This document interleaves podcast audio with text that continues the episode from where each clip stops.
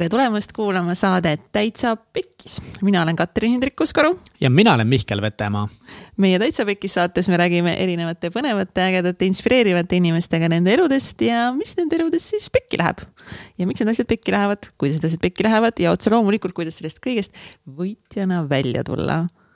tänases saates on meil külas Kaido Pajumaa oh, Kaidoga oli väga-väga eriline saade meil sellepärast, et kui sa ei tea, siis Kaido oli Täitsa Pekkis saate kõige-kõige-kõige esimene külaline. kolm pool aastat tagasi. kolm pool aastat tagasi ja me tundsime, et on aeg kutsuda meid kõige esimene külaline tagasi saatesse ning meil oli temaga ülimalt vinge saade. aga kes ei tea, kes Kaido on, siis Kaido Pajumaa on väga kuulus-tuntud Eesti juht, koolitaja eh, ta on motivaatori asutaja ja ta keskendubki siis äh, väga edukate ettevõtete koolitamisele, ta aitab neil luua praktilisi viise, kuidas siis meeskonnad saaksid paremini toimida ja arendab ka juhte. ja ta on äh, koolitanud mõndasid Eesti kõige kuulsamaid ja vingemaid ettevõtteid, ka nagu näiteks Bolt, Telia, ABB, Circle K, MyFitness, Swedbank ja nii edasi ja nii edasi. ta on valitud parimaks koolitajaks aasta parima koolitaja tiitli siis saanud kaks tuhat kuusteist ja kaks tuhat seitseteist aastal. ning tema koolitusettevõte on Äripäeva poolt valitud Äripäeva top ettevõte kaks tuhat üheksateist ja kaks tuhat kakskümmend. nii et on siis koolitusfirmade topis ka. et ta on tõeliselt vinge mees, nii et äh, nautige seda. seda saadet ainult saabki nautida, ma ütleks kohe. enne kui sa lähed kuulama seda saadet lähed kuulama, hakkad kuulama, juba oled siin kuulamisega poolel teel, siis eh, toeta meid patreon.com, tule meie toetaja perre. hakka meile enda energiat vastu andma. patreon.com, kaldkriips Taitsa Pekkis saad, saad selle kaudu meid toetada ja jaga seda saadet, kui see saade sind eh, täna eh, kõnetab ja jaga meiega ka enda mõtteid siis, et mis, eh, mis tundeid, emotsioone see saade sinus tekitas. ja lisaks sellele oled sa südamest oodatud meie transformatsioonifestivalina neli punkt null, mis meil siis siin neljandal ja viiendal märtsil juba on toimumas, siis seekord teemaks siis teadliku armastuse paradiis ja võtame fookusesse suhted.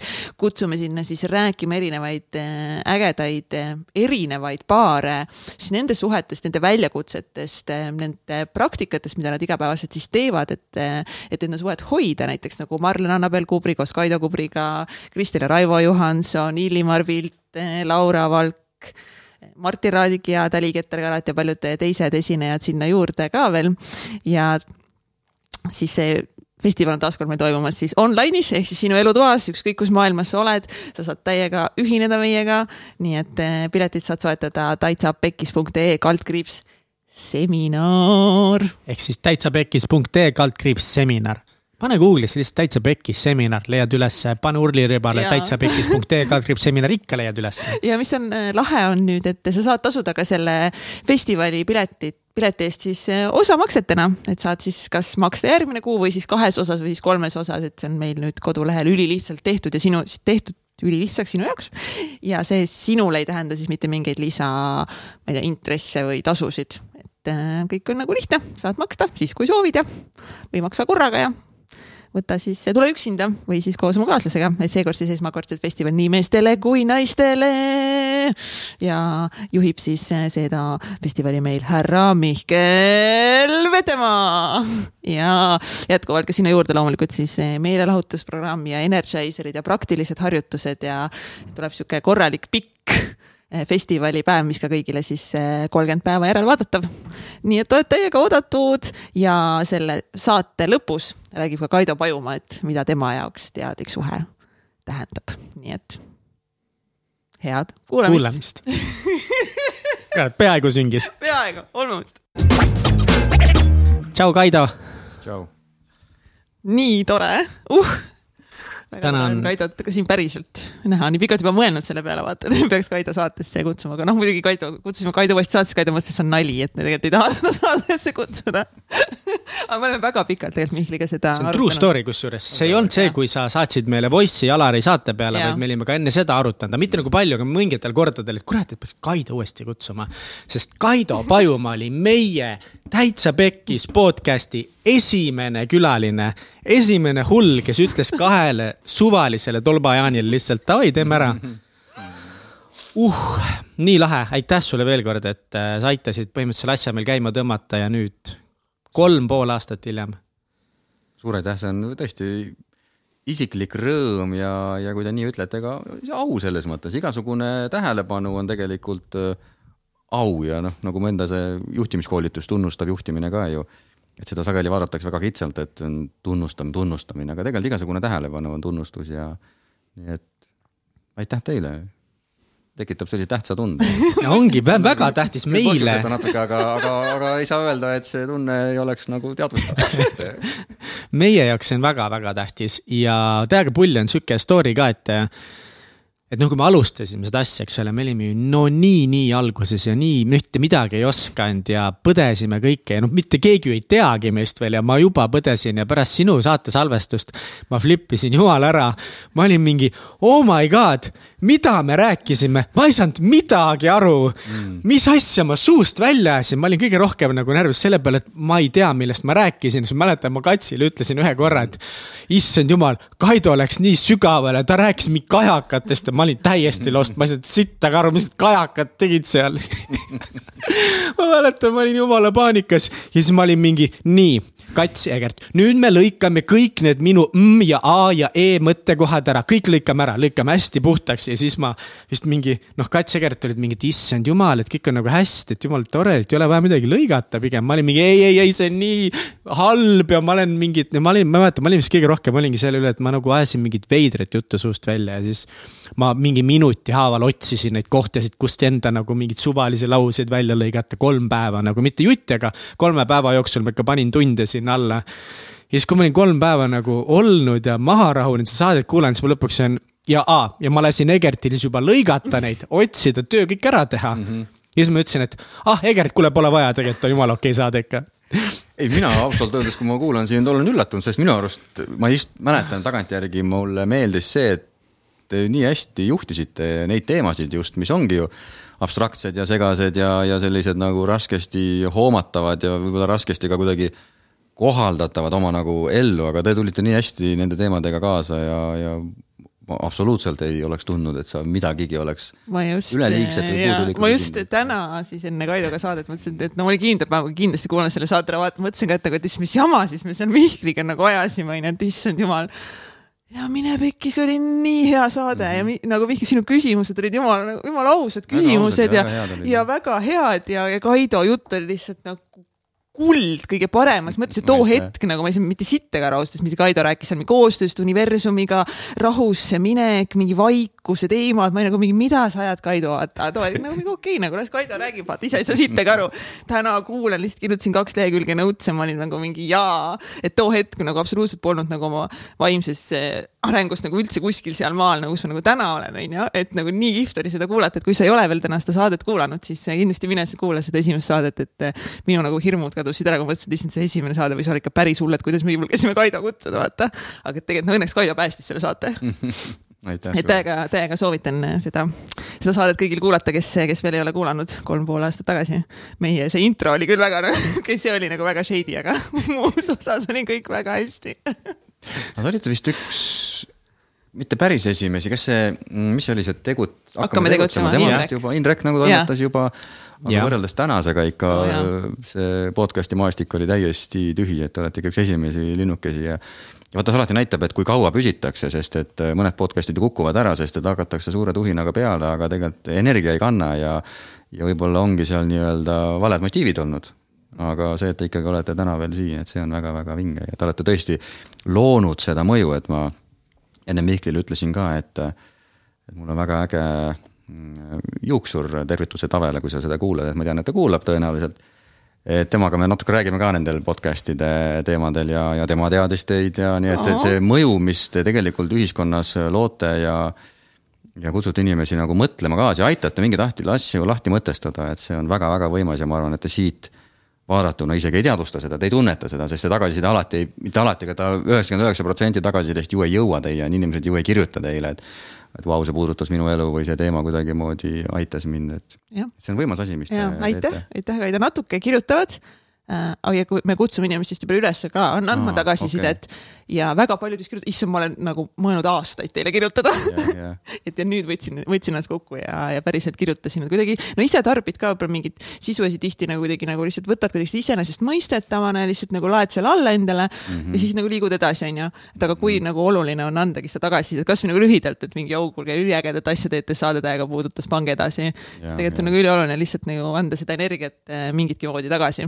ja, ja ja noh, sama tegelikult Alari saatega, sealt meil uus kontakt ju tekkiski, et Alari saade väga-väga puudutas ja noh, kuigi ma Alarit ju tunnen isiklikult aastaid ja, aga need on need teemad, mis hargnevad lahti ainult äh, juhitud saates, et äh, omavahelises vestluses alati ei pruugi jõuda, sest et mõlemad räägivad, äh, kui sa oled ikkagi sellises sõbratsoonis, sa katkestad, sa võib-olla endal mingi mõte tekib, ehk siis podcast võimaldab inimesel hästi sügavalt oma mõtted lahti verbaliseerida ja kuulajal on võimalus palju sügavamale ka jõuda, nii et see Alari saade oli tõesti väga-väga võimas, et. aitäh. sinu saade oli võimas trigerdas mul ära, noh. vot, aga eks ongi nagu, need on need hirmud lihtsalt, vot kui midagi alustad, uue asja alustamisel on alati kõik need hirmud ja sa mõtled üle ja, ja sa muretsed asjade peale, vot, aga Kaido kus sa siis viimased eh, kolm aastat nagu olnud oled, et äh, ma mäletan, et kui me mõtlesime saatekülaliste peale, noh, ma väga ei mäleta loomulikult, aga nagu mäletan midagi, et me kohe nagu vaatasime, et ei, et kutsume ikka nagu mingid kuulsad ja ägedad inimesed, kes kuidagi ja no siuksed nagu, nagu julged, et kes kuidagi tunduvadki meeldivad inimesed et, et nagu, et ei taha kedagi kutsuda, kes võib-olla meist nagu kohe üle sõidab, et keegi, kes on nagu sihuke osav ja, ja tore ja. ja kuidagi, ma ei tea, said kohe meile pilti, aga nüüd sa oled valinud oma elus, tegelikult sa enne mainisid, et võib-olla juba ammu oled selle valiku teinud, aga et sa oled kuidagi ära kadunud kivi alla ja fokusseerinud, mis toimub? no ongi kolm sellist võib-olla suunda on, et üks on seesama töösuund, mis on tegelikult ju ajaliselt võtab väga-väga palju aega ja ressurssi, aga kui ma vaatan nagu enda sellisest isikliku arengu kontekstist, et et ma teen seda ikkagi nagu tööna, et, et ma tunnen, et, et see kukub kuidagi välja, mul on õnnestunud leida selline töö, mis päriselt nagu õnnestub ja, ja inimestele ka nagu meeldib. see elatab mind, ma saan sealt oma selle saavutusvajaduse rahuldatud näiteks. ma saan seal oma tunnustusvajaduse rahuldatud mõnikord isegi kuuluvusvajaduse näiteks, kuna ma olen mingite gruppidega koos ja meil on pikemad äh, projektid ja ka iseseisvusvajaduse, sest et noh, väga huvitav praegu, mida ma ütlen, ma ütlen iseendale seda lahti, sest et kui me räägime juhtimisest, siis me räägime ka ju, et juhi ülesanne on muuhulgas ka inimeste, oma töötajate sisemisi vajadusi teadvustada ja rahuldada, et mitte see, et inimene tuleb tööle lihtsalt, aga inimesel on mingid vajadused ja ja psühholoogid ütlevadki, et need ongi neli põhivajadust, et neli sisemist motivaatorit. On kuuluvusvajadus, mida siis tugev, hästi toimiv meeskond rahuldab siis sul on iseseisvusvajadus, mida tegelikult selline optimaalne paindlikkus töö juures rahuldab. siis sul on tunnustusvajadus, mida siis selline positiivne tagasiside ja tunne, et see läheb korda kellelegi, seda, see rahuldab. ja siis on ka selline saavutus või progressi vajadus, mida siis võib-olla töö sisu ja, ja millegi väikse ärategemine ja saavutamine rahuldab. nii et päris huvitav, et tegelikult tõesti kuigi ma näen seda suhteliselt väikse osana, ta võtab nagu ajaliselt hästi suure osa mul on ikkagi niimoodi kolm-neli koolitust nädalas praktiliselt, aga energeetiliselt ma ise tunnen, et ta võtab nagu väikse osa. ja palju suurema osa võtab ära selline vaimne töö endaga ja siis noh, pere ja, ja lapsed ja see võtab nagu vähem ja kuigi võib-olla kui naine praegu kuulaks mind, siis ta ütleb, et mees, sa ajad pada nagu, et minu arust sa küll võiksid nagu võib-olla lastega rohkem nagu aega veeta, aga tegelikult energeetiliselt ma tunnen, et ma olen väga palju nendega seotud, nii et seal on alati see, mismoodi välja paistab, aga teine on see, mida inimene sisemiselt äh, tunneb, nii et. et need ongi nagu kolm valdkonda, aga mul muud, muid, midagi muud elus ei toimugi ja ma püüan kõigest muust ka nagu loobuda ja mul on piltlikult öeldes üks sõber, kellega ma niimoodi korra kuus äh, räägin praegu just enne teie juurde tulekut mingi poolteist tundi rääkisime. Peep Vain, et temaga on väga head sügavad vestlused ja sellised põhjalikud. ja ega räägi sellesse mikrofoni rohkem. ega ei väga ei, noh, vana lapse või selline kursuse sõber on, kellega ka mõne kuu tagant, aga sellist nagu kontakti väga palju mm -hmm. ei mhm. ole, et. et ka see sõprade pool on täiesti ära kukkunud ja kuidagi nagu mida vähem asju elus, seda lihtsam elu, võiks öelda, et ongi, sul on töö, sul on oma meditatsioonipadi ja sul on pere ja mida sa veel vajad nagu, et. Ma ei tea, palju, nagu ma mõtlen ka, et see sinusuguse kaliibriga mees, et sa ongi, et noh, tundub, et sul on päevakava nagu koolitusi on ikkagi täis, aga sa võiksid ju teha mingeid online koolitusi, mõelda välja mingit, et noh, kõik see sisu, mida sa annad ettevõtetele edasi iganädalaselt aastast aastasse. kui kaua aastaid sa oled juhtide koolitaja ja meeskondade koolitaja olnud?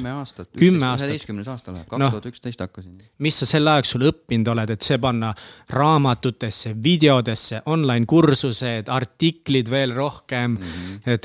Telesaated, oma podcast, mingi pff, investe-, noh, et nagu neid asju, kus, mida sa võiksid teha, miks sa, miks sa ei tee neid? mul on kõik need asjad enda jaoks nagu lahti mõtestanud ja ja ei ole välistanud, et ühel hetkel, aga aus vastus on väga-väga lihtne, ma ei viitsi. lihtsalt ei viitsi, sellepärast et, et ma olen proovinud Covidi ajal, ma tulin paari kursusega välja e-kursusega ja tegelikult nad on ennast igati õigustanud ja mis ma mõtlen selle all, on just nad nagu majanduslikult. Aga kõige suurem impact ikkagi on see isiklik kontakt, et ma näen, et selle kaudu ma suudan kõige rohkem ära teha ja ma näen, et seda ka kõige rohkem inimesed väärtustavad ja kuni selleni välja ma tunnen, et, et sellel on minu jaoks selline vaimne tähendus, ehk siis mul on ikkagi mingisugused võib-olla oskused kaasasündinud, mis võimaldavad mul ka väga-väga keeruliste gruppidega tegeleda, hakkama saada. noh, päeva jooksul võiks öelda isegi võib-olla transformeerida mõnikord.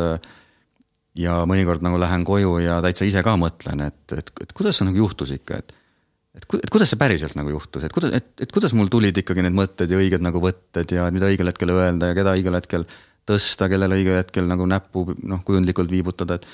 ja ma ei oska sellele, ma ei oska nagu võtta seda au endale, sellepärast et ma ei ole seda õppinud, ma ei ole seda ei lugenud selle kohta, ma ei ole elus ühtegi andragoogika või sellist nagu raamatut või kursust lugenud, et kuidasmoodi koolitamas käia, ma lihtsalt hakkasin seda tegema ja elu on juhtinud ja ma tunnengi, et et see on nagu minu viis elult saada tagasi seda, mida ma väga noorena tahtsin, eks ma tahtsin ju rahalises mõttes mugavat elu, ma tahtsin jõuda kuhugi, ma tahtsin saavutada midagi.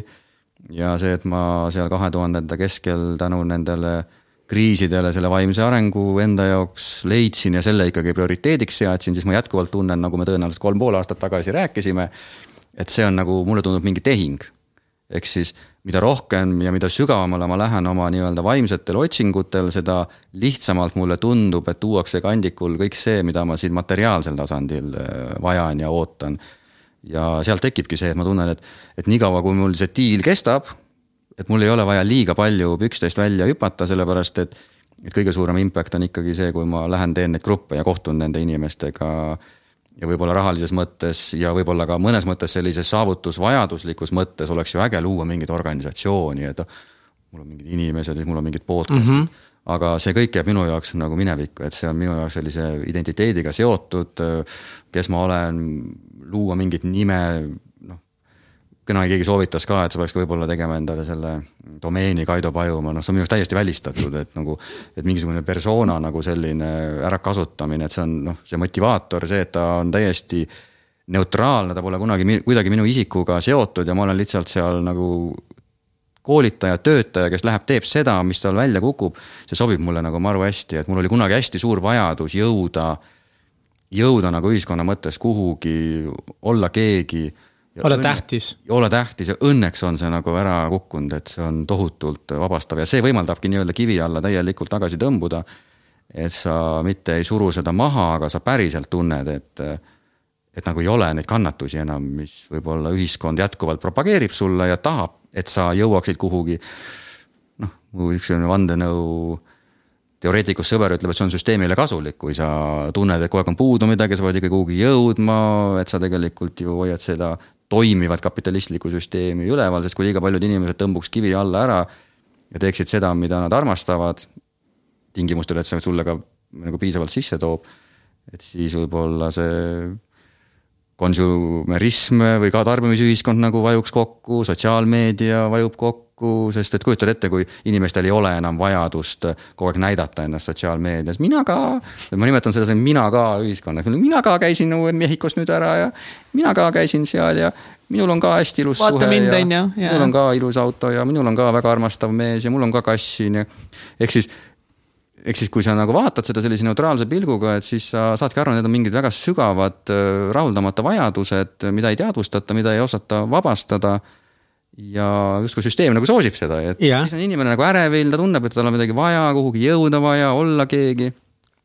aga oma kogemusel julgen öelda, et sellest on võimalik tegelikult välja astuda, kui sa teed selle valiku, aga sa pead selle valiku tegema ja algul ei ole see ka emotsionaalselt lihtne, sul on emotsionaalsed sidemed seal. Sa rääkisid just, alustasid seda, seda plokki sellega, et sa teed universumiga tehinguid ja sellest me eelmine saade rääkisime ka, et avarda natuke seda, et kui, mis see tähendab siis, et sa teed universumiga neid tehinguid? vot see on huvitav punkt, sellepärast et äh, minu jaoks nagu mina, mina tähendus on muutunud nende kolme poole aastaga kardinaalselt, et äh, toona ikkagi, kui ma toona seda rääkisin, siis äh, vaata, see ongi see, et kui sügavaks me lähme siin, et. väga, äh, nii sügavaks ja, ja, ja, ja. Täpselt nii sügavaks, kui sa tunned, et sa tahad minna hetkes. jah, ma, ma siis räägin nii, nagu ma kogen mm -hmm. seda, et, äh, et toona noh, vaata, kui me kasvame üles, siis me ju omandame kõigepealt sellise kehatunnetuse, siis tuleb siia juurde psühholoogiline mina ehk siis identiteet. ja me tegelikult ju suure osa elus, täiskasvanu elus elamegi läbi selle psühholoogilise mina, et kui me enda peale mõtleme, siis me ju mõtleme kellestki enda mõtetes justkui nagu kolmandast isikust, noh kui sa mõtled a la mina, Katrin, kirjeldad seda endale, siis sa ju räägid endast natuke nagu kolmandas äh, isikus. ehk siis see osa minust, mida me empiiriliselt kogeme et see on nagu liialt abstraktne. ma ei tea, kas see kuidagi jõuab nagu, kas see nagu loogilisena kõlab, ehk siis kui sa näiteks ei mõtle endast ja püüad kogeda ennast ilma seda kirjeldamata, sellele silti panemata, siis see on üks väga selline abstraktne kogemus, ma ei tea, võime kohe proovida näiteks. Et ma, Mihkel, küsin sult näiteks, et a la proovi ennast kogeda ja kirjeldada ilma kasutamata mingisuguseid mõttelisi silte näiteks, et ma olen inimene või ma olen mees või ma olen Mihkel, et mm -hmm. proovi seda teha, vaata, mismoodi sa seda kirjeldaksid. ma juba tunnen, et see on nii keeruline. ma olen nii, ma olen nii harjunud ütlema mingi asja, mis Täpselt, ma olen. no ma taht-, juba tahan seda, ma olen mees jah, no see on silt, et sa tegelikult sa lähed nagu läbi selliste sootunnustega aga see kogemust ennast, see ongi see, et sa, sa ei saa vastata seda otsides vastust mõistusest, sest et meie aju otsib kohe või, mõistusest vastust, aga selle eeltingimus on see, et sa ei otsi mõistusest vastust, vaid sa tegelikult tood tähelepanu enda sisse ja koged nagu seda empiirilist öö, kogemust, et, et mis see on, et no proovige, siin on väga, väga lihtne vastus tegelikult ja see on olemas, aga ei olegi seda harjumust niipidi vaadata.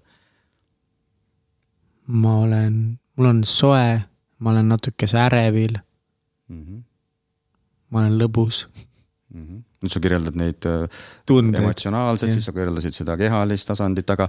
no ma ei oskagi sügavamale minna. ja see ongi see probleem sellepärast, et võib-olla kõige täpsem kogemus olekski see, et sa ei panegi sinna ma olen järgi midagi, sest et mida sa eitada ei saa, on see, et sa, sa oled, eks sa eksisteerid, et see on nagu olemas, aga see on nii abstraktne ja see tundub nii kasutu olevat ja seetõttu äh, ka meie identiteet tegelikult ju on läbi ainult nende siltide ja, ja siis me nagu otsime seda õiget identiteeti ja otsime iseennast. aga selline joogalik filosoofia tähendabki tegelikult oma selle empiirilise kogemuseni jõudmist ja selles püsimist, et jooga sanskritis ju ka tähendab nagu ühendust ja seda ühendust selle algse noh, joogas nimetatakse seda minaks, selle algse minaga ja noh, jutu point on selles, et et kuni me elame ja kogeme seda maailma läbi selle identiteedi, läbi selle psühholoogilise mina, läbi ka võib-olla füüsilise tasandi, et niikaua meil on see tunne, et noh, ma olen selles maailmas ja, ja nüüd äh, sa hakkad nagu vaimsete asjadega tegelema ja siis sul tekib arusaamine, et on mingi nähtamatu maailm olemas ja siis on mingisugune noh, ükskõik kuidas me nimetame, kõiksus, universum, mingi vaimne tasand ja siis sa justkui sellega teed nagu mingi tehingu. ehk siis see on kogu see secret'i filosoofia ju ja see ei ole vale filosoofia, sellepärast et see juba paneb natukene vastutuse endale, et sa hakkaksid jälgima, mida sa mõtled, mida sa läbi elad, sest see läbi mingite tasandite, tavateaduse mõistes nullpunkti välja, kvanttasandite nagu mõjutab natukene seda ümbritsevat. aga nüüd, kui sa hakkad sellist nagu süvenenumalt joogaga tegelema ja sa jõuad isiklike kogemusteni, et tegelikult see abstraktne mm, I amness või see olemine ise et see on täiesti midagi konkreetset ja treenides muutub see väga-väga nagu selgelt eristatavaks nähtuseks.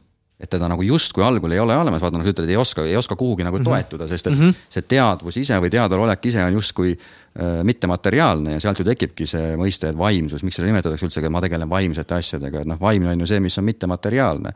ja kui sa hakkad vaatama, et mis meis on vaimsed, äh, siis äh, vaimne osa on see, mis on mittemateriaalne ja mitte, keha on täiesti materiaalne emotsioonid ju on teatud mõttes ikkagi energiat, neid juba suudetakse mingite instrumentidega mõõta, see on nagu peenmateeria, ei saa öelda, et ta on täiesti mittemateriaalne. mingeid mõtteid mõned inimesed ju suudavad nagu lugeda, me võime öelda, kas on veel peenem mateeria. aga teadvus ise, see on täiesti immateriaalne, sellepärast et seda ei ole mitte kuidagi võimalik mõõta ja keegi teine ei saa seda ka objektiivselt hinnata, vaadelda, seda on võimalik ainult esimeses isikus teha. aga selleks, et see esimese isiku kogemust saada, sa pead selleks hakkama harjutama, võtma, võtta tähelepanu kõigelt ära, mis nii-öelda on materiaalne või peenmateriaalne ja tooma seda järjest enda sisse, hoidma seal ja ühel hetkel see muutub selliseks nagu kogetavaks nähtuseks. Aga miks seda nagu teha, et selles mõttes, et sa ütlesid siin alguses äh, mul huvitav asja nagu, et, et see vahepeal tundub, et, et see pole isegi nagu kasulik või et, et nagu sildid on ülihead selle jaoks, et me saaksime nagu ühiskonnas toimida, et mm. meil on nagu orientiirid, et me oskame üksteisest aru saada. me saame nagu täpselt aru, et nagu on kontekstid ja on sildid, mis annavad ülikiiresti edasi selle, kes see teine on umbes mm. -hmm. kuidas ma peaks temaga suhenduma, mis on nagu meie mingid pidepunktid siin, et. et nagu justkui aitavad väga palju, aga teistpidi jah, ma nagu vahepeal tunnen, et ka nagu piiravad väga palju ja need. et ongi noh, ja kui minna veel nagu paar sammu tagasi, siis näiteks see ongi, kui sa ütlesid, et, et noh, et, et seal kivi all olemine ka see, et, et noh, et võib-olla ego ei vaja enam kõiki neid asju, et sa oled saanud oma need neli põhivajadust kuskilt kätte, ma olen hästi selles tahtmises nagu, et ma tahan hästi sildistada ennast, ongi, ma tahan olla ettevõtja ja startup'er ja miljonär ja edukas ja, ja noh, ja, ja, ja nüüd, kui mingid uued teed on algamas, siis on väga see, et oh, ma tahan näha, on ju, et, et nagu, et et mis selle, mis selle point on nagu või kuidas ma nagu siis teen niimoodi, et et ma ei lase täiesti nendest siltidest lahti või lasen või mm, -hmm. aga samas lähen kuskile edasi. mul oli selle pika jutul tegelikult point ka, ma vastan selle eelmise küsimuse ära, et, et kuhu ma tahtsin jõuda, ma olin peaaegu lõpus juba. et, et nüüd, kui sa nagu võib-olla, kui ma kolm pool aastat tagasi rääkisin sellest, need olid need praktikad, mida ma tegelikult tegin juba kuskil kahe tuhandendate alguses, oligi see, et. et kuskil on see mina, Kaido siis ja siis ta nagu piltlikult öeldes suhestub selle universumiga ja siis teeb nagu mingi lepingu, aga nüüd, kui sa. nagu sellisesse, ütleme süvajoogasse lähed ja ma olen täiesti nõus, et see enamikele inimestele on täiesti ebaoluline, ebahuvitav ja ma kujutan ette, et ka üheksakümmend viis protsenti võib-olla selle podcast'i kuulajatest ei saa selle nagu vajalikkusest aru, nii et see oli jumala õige küsimus, kohe, kohe räägime, kust see kasu tuleb. aga kui sa hakkad seda kogemust saama, siis sa avastadki empiiriliselt, isiklikult, et sinu sügavam fundamentaalne olemus ei ole mitte see psühholoogiline mina ja veel vähem see füüsiline keha, vaid sa empiiriliselt isiklikult saad aru, et sa oledki teadvus. ja vaata, see on tohutu läbimurdepunkt, sest et kõik raamatud räägivad sellest et a la sul on see kõrgem mina ja, ja tegelikult meie olemus on vaimne ja siis sa õpid selle ära ja sa pead seda meeles. aga mm, see on umbes samasugune, ma arvan, kogemus, et sa oled vaata unes ja sa elad seal unes läbi mingeid sündmusi ja sel hetkel sa oled jumala veendunud, et sa oled nagu, et see toimub nagu praegu. ja siis sa ärkad üles, oh, et see oli uni. ja noh, see ei ole selles mõttes selline kogemus, kui sa selle isikliku teadvel oleku kogemuse saad, et see on uni, kuigi seda öeldakse, vähemalt mina ei ole veel empiiriliselt seda läbimurret teinud. aga sa hakkadki aru saama, et sa oledki see teadvus. ja nüüd, kui sa oledki see teadvus, siis tegelikult kõik, mis siin maailmas on, on justkui selles teadvuse ruumis. ja nüüd jõudes selle lepinguni, nüüd kuna sa tead, et sa oledki see teadvus ja kõik, mis tegelikult siin universumis on, on selles teadvuse ruumis, mis nagu meile nagu isiklikul tasandil tundub nagu selline isiklik minu teadvus või minu teadvalolek, aga tegelikult see on osa ikkagi tervikust, et me lihtsalt kuidagimoodi. see ongi võib-olla mingisugune nagu kaval nipp, et me saaksime sellise individuaalse kogemuse ja nüüd sul ei ole vaja enam sellist laadi lepinguid, sellepärast et sa empiiriliselt tead, et sa oled osa sellest substantsist. ja sealt hoopis teistsugused mehhanismid hakkavad äh, tekkima ja nagu joogas nimetatakse, sa hakkad kasutama taotluse jõudu, mis tegelikult on kõige tugevam jõud, mis üldse meile on nagu mitte meile persoonana kaasa antud, kus me sageli taotlust käsitleme nagu mõttena, mul, mul on mingi mõte ja ma keskendun sellele mõttele, vaid see on palju-palju sügavamalt tuleb see taotlus. ja nüüd siit tuleb ka kohe see kasu, et kui me räägime oma elu kujundamisest ja, ja need, kes ikkagi usuvad, et see on ühel või teisel moel võimalik, siis üks kasu ongi see, et niikaua, kui sa piltlikult öeldes ärpled seal alumistel tasemetel, oled oma emotsioonidega hädas, oled oma mõtetega hädas, siis tegelikult sul puudub ligipääs nendele ütleme, kõige fundamentaalsematele jõududele, mis meil tegelikult on olemas, aga me ei oska neid kasutusele võtta, sellepärast et me oleme kogu aeg hädas oma kehaga küll see tahab süüa, küll see tahab seksi, siis see tahab nagu paksuks minna, siis mõnel tahab ta liiga peenikeseks, no vot sellega hädas kogu aeg, sellepärast et sul on vaja väljaspoolt kogu aeg seda kinnitust saada. et, et noh, sa sobid ühiskonda, siis oled oma emotsioonidega hädas, kõik need tunded, mis sa kirjeldasid praegu, ma tahaksin kuhugi jõuda, ma tahaksin ka olla keegi siis sa oled oma mõtetega hädas, ehk siis sa näed mingisuguseid versioone, mm, oma mõtteid, kuhu see kõik peaks jõudma ja ainuke, mis suudab seda hakata läbi nägema, ongi teadvus ise, teadvalolek sest et kuni sa ei tõuse nii-öelda selle teadvaloleku tasandile, sa ei suuda neid asju eristada, see on nagu puder ja kapsad. et me küll näeme, et me oleme hädas, me kannatame, meil on nagu probleemid, me püüame elu nii-öelda korda teha, me püüame midagi saavutada, kuidagi jõuda ja loodame, et need keskkonnas tehtavad muudatused võtavad selle ebamugavuse ära, aga nad ei võta ära sellepärast, et see on nagu fundamentaalne Äh, viga, sest justkui see keskkond muutudes äh, tekitab uusi nõudmisi ja meie enda arusaamine muutub, et mis on äh, saavutus ja mis ei ole saavutus, missugune on olla väärtuslik, see, see kogu aeg muutub, see on kogu aeg muutuv keskkond. ja ainukene püsiv asi ongi tegelikult nüüd see teadvuse ülesleidmine, sest see on kogu aeg staatiline et see on olnud sünnihetkest saati täpselt selline, nagu ta on ja nüüd kõige suurem väärtus või üks paljudest ongi see, et kui sa õpid sinna anker, ankurduma siis need pidevalt muutuvad emotsioonid, pidevalt muutuvad mõtted, pidevalt muutuv väliskeskkond äh, ei mõjuta sind enam nii palju. ja teatud joogalike tehnikatega on võimalik jõuda isegi nii kaugele, et sa hakkad neid automatisme vabastama, et sa reaalselt hakkad oma kannatusi vähendama. Et sa nagu avastades, et a la mingisugused keskkonnatingimused tekitavad sinus mingeid tüüpreaktsioone näiteks ja tüüpkannatusi ja nüüd on joogalikud tehnikad, mis võimaldavad neid reaktsioone vabastada. ja siis sa avastad ühel hetkel, et olukorras, kus ma olen võib-olla kolmkümmend viis aastat ärritunud, õnnetu olnud, mingi kannatus on tekkinud, psühholoogiline kannatus, seda ei teki enam. Ja vaata, kui sa esimese sellise kogemuse saad ja saad aru, et see oli võimalik ainult, ainult tänu sellele, et sa sel hetkel, kui see kannatus peale tuli, kui see emotsioon aktiveerus, sa suutsid eristada, okei okay,, mul on üks väga spetsiifiline tunne, siis sa suudad eristada, et mis lugu sa peas ketrad, mis seda toidab, seda emotsiooni. Ja siis sa avastad, et sul on tegelikult võimalus oma tähelepanu näiteks sellelt loolt ära võtta, viia selle millelegi neutraalsele, mis kõige neutraalsem on, näiteks hingamine, ja siis sa avastad, kuidasmoodi tähelepanu mingisuguselt story'lt äravõtmisega sinu emotsionaalne seisund hakkab muutuma, siis avastad, et vau, et see vägi on tegelikult ka minu käes. ja siis sa avastad mingil hetkel, et sa ei pea lihtsalt oma tähelepanu ära võtma mingitelt asjadelt, aga sa suudad reaalsete tehnikate kaudu need ära vabastada, nii et sa oledki nagu päriselt vaba vähemalt sellest konkreetsest äh, reaktsioonist mm. -hmm ja vot see on see praktiline pool ja kui sa paned sinna veel juurde mm, sellised sügavamad instrumendid, mida see teadvalolek sulle toob, näiteks taipamine, uute ideede toomine. Miks näiteks need inimesed, kes on väga emotsionaalsed ja nagu see lähmerdised natukene, miks nad ka tihti oma eluga hakkama ei saa, sellepärast et nad ongi nii alla tõmmatud sinna emotsioonidesse, sinna mõtetesse, et nad ei ole nii-öelda samastunud selle teadvusega, kus tegelikult tulevad aeg-ajalt meile kõigile mingid head sähvakad nagu. aga kuskil oli hea analoog toodud, et sa on nagu kaubarongi kõrval seisad ja siis see emotsionaalne ja, ja mentaalne tasand on nagu see kaubarongi kolin. ja siis keegi sosistab sulle kõrva seal kõrval ja sa ei kuule seda eriti. Aga kui sa suudad hakata äh, nagu vaigistama seda mentaalset, emotsionaalset poolt, siis sa hakkad uusi ideid saama, siis sa liigudki tegelikult edasi. Siis äh, mis on näiteks selle tasandi tööriist, on intuitsioon, ennem, ennem küsisid, kuidas fookust seada. läbi intuitsiooni.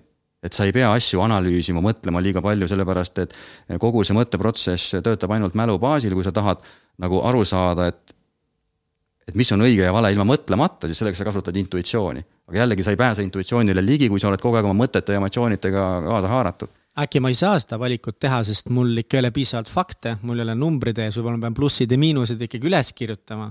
kuidas intuitsioon teab, mis on õige? Siin tulebki jah, see loogiline analüüs kindlasti mingites olukordades mm -hmm. ongi see vajalik, sest kui debet ja kreedit ei klapi raamatupidamises, siis sa ei saa nagu öelda, intuitiivselt tundub olevat kõik õige. aga, aga mingites eluolukordades sa võid ju kedrata asju nagu jätkuvalt, jätkuvalt, jätkuvalt, sul tegelikult infot mm -hmm. juurde ei tule. ja seal võib-olla intuitsioon töötab väga hästi, ma isiklikult viimastel aastatel töötan väga-väga palju intuitsiooni baasil nagu. ja julgen teha, olen valinud teha valikuid intuitsiooni baasil, teadmata tegelikult, kas see on õige või vale, sest ka meesterahvana eluaeg oled ikkagi ju proovinud tugineda mm -hmm. loogikale ja, ja faktidele ja see oli algul hirmutav, aga väga palju ei ole nagu eksinud tegelikult, nii et ma väga julgustaksin seda. kas üldse on õiget ja valet? tunnen, et ma tahan siin siukse väikse nagu kaitsekõne teha kuidagi sellele, mida sa räägid, just nagu sulle või kuidagi, et ähm, meil on äh, ka nagu kirjutatud vahepeal, et jube nagu udupudruks või nagu jube esoteeriliseks lähevad vahepeal meil teemad ära nagu, millega meil endal on väga fine, see ei kõiguta mind, mul on täiega hea meel, et nii läinud on, aga ma nagu näen seda probleemi, mis paljudel inimestel on, sellepärast et paljud väljendid või sõnad, mida sina või mõned teised inimesed meie saates kasutavad, on esiteks, nad on võõrad et need mm., need on lihtsalt, need on võõrsõnad meile. teadvus, vaimsus, ühtsus, kuidas universum, kõiksus, eks ole, allikas Need on hästi nagu võõrad sõnad ja, ja paljudel nendel võõrastel sõnadel on ka selline mingisugune noh, osade inimeste peas ongi see mingi konnotatsioon või mingisugune arusaam, need on kuidagi nagu uuga-puuga sõnad mm -hmm. ja on ka inimesi, kes minu silmis ka ei oska tegelikult hästi edasi anda neid ideid, nad kasutavad neid sõnasid, aga nad on võib-olla nagu liiga kaugel seal või et nad on nagu mõne, mõned nendest inimesest on kaotanud nagu minu silmis kuidagi nagu reaalsus taju, aga nagu ähm, ma ei oska hästi ennast väljendada praegu, sest reaalsustaju ei ole võib-olla õige sõna, aga kuidagi, et, et ma nagu lihtsalt sind kuulates ja teisi kuulates ja ka oma isa kuulates ma nagu näen järjest rohkem, kuidas need ongi lihtsalt väga konkreetsed nagu tehnikad lihtsalt, millega nagu ennast kui mehhanismi, kui vaimset asja kuidagi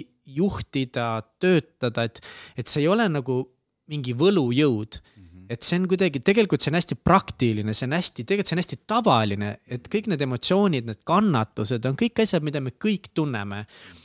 Ja, ja erinevad inimesed kasutavad ka natukese erinevaid sõnu, et sedasama asja nagu selgitada, siis vahepeal jääbki lihtsalt mulje nagu, et, et see on mingi räige huuga-puuga, mis ei ole nagu päris eluks kuidagi kasulik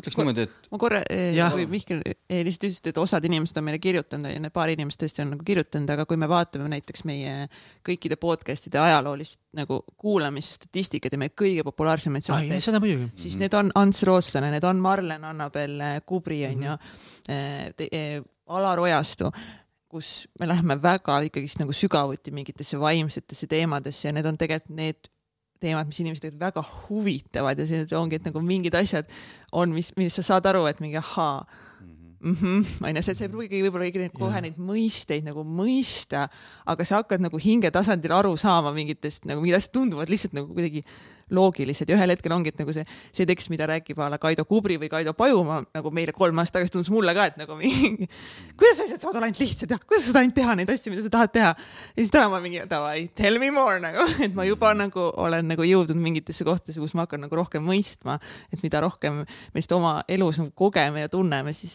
seda loogilisemaks need asjad meile kuidagi saavad. ja võib-olla mitte nagu meie saate puhul, no okei okay,, nagu korra meie saate välja võtta, aga lihtsalt ma näen väga paljud inimesed nagu natukese tõmbavad väga kaitsesse selles teemas üldse nagu laiaspool maailmas, et sest väga paljud inimesed ei tegele, enamus inimesi ei tegele, kui me räägime nagu lääne ühiskonnast, siis jah, et, et nagu õnnelikkuse ja oma mentaalsusega tegelemine kogu populaarsust, aga suures pildis ikkagi nagu me elame hästi praktilises, ratsionaalses maailmas ja, ja me kuidagi unustame ära, et see on lihtsalt üks osa kogu selleks inimeseks olemise kogemusest, lihtsalt mis on väga tugev tööriist, et kuidagi niisugune selline mõte, et ma arvan, et teil on noh, kõikidel podcaster itel on väga-väga suur missiooniga töö.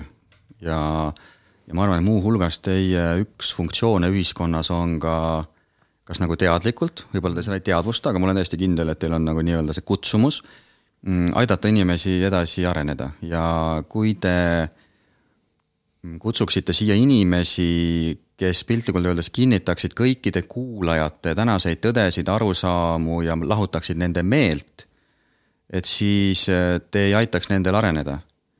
ja see, et äh, mõned inimesed võib-olla ei saa mingitest asjadest aru, mida mingites podcast ides äh, räägitakse, selleks on ainult üks põhjus. Nad ei ole seda uurinud veel. mitte asi ei ole selles, et a la see kõlas, nad ei ole oma arengus seal, aga see tähendabki sama asja, nad ei ole uurinud mm. ja kui ma ütlen uurinud, siis see uurimine ei pruugi tähendada ainult raamatute lugemist, vaid uurimine tähendab muuhulgas ka meditatsioonipadjal istumist, jälgimist, oma päeva läbi analüüsimist, nende reaktsioonide tärkamise märkamist, et sedalaadi uurimist, sellepärast et nagu sa just ütlesid, siis see eelnev, ma ei tea, mitu minutit ma rääkisin, ma tean, et see võib väga-väga abstraktsena kõlada aga ma samal ajal luban, et võtad ükskõik missuguse inimese tänavalt ja kui ta võtab selle teema ette ja hakkab ennast sellisel viisil jälgima ja mitte uurima, et raamatuid lugema, et sealt vastuseid saada või veel rohkem podcast'e kuulama, vaid ennast päriselt empiiriliselt jälgima. ja siis ta avastab, et eksisteerib viis nähtust, ehk siis viis nähtuste gruppi minu arust eksisteerib selles maailmas, millega me saame siis suhe, suhestuda seesama sõna kõiksus, universum, seal võib panna loodus, mida iganes, allikas, no mõtleme, et see on kogu maailm nagu. kogu maailm, kogu ümbritsev maailm ja, ja keegi ei saa eitada selle olemasolu, et noh, see on ju olemas nagu, et ühel on see ühtemoodi kujunenud natuke see isiklik olukord, teine teises, et see läheb kõik sellesse patta. siis teine asi, mida keegi eitada ei saa, et meil on olemas nii-öelda see füüsiline keha. ja füüsilise keha tööriist on tõsta siit see teeklaas, liigutada mikrofoni, teha midagi ära selles füüsilises maailmas, ehk siis selles nii-öelda materiaalses kõiksuses, ütleme siis niimoodi, et see on füüsilise keha tööriist.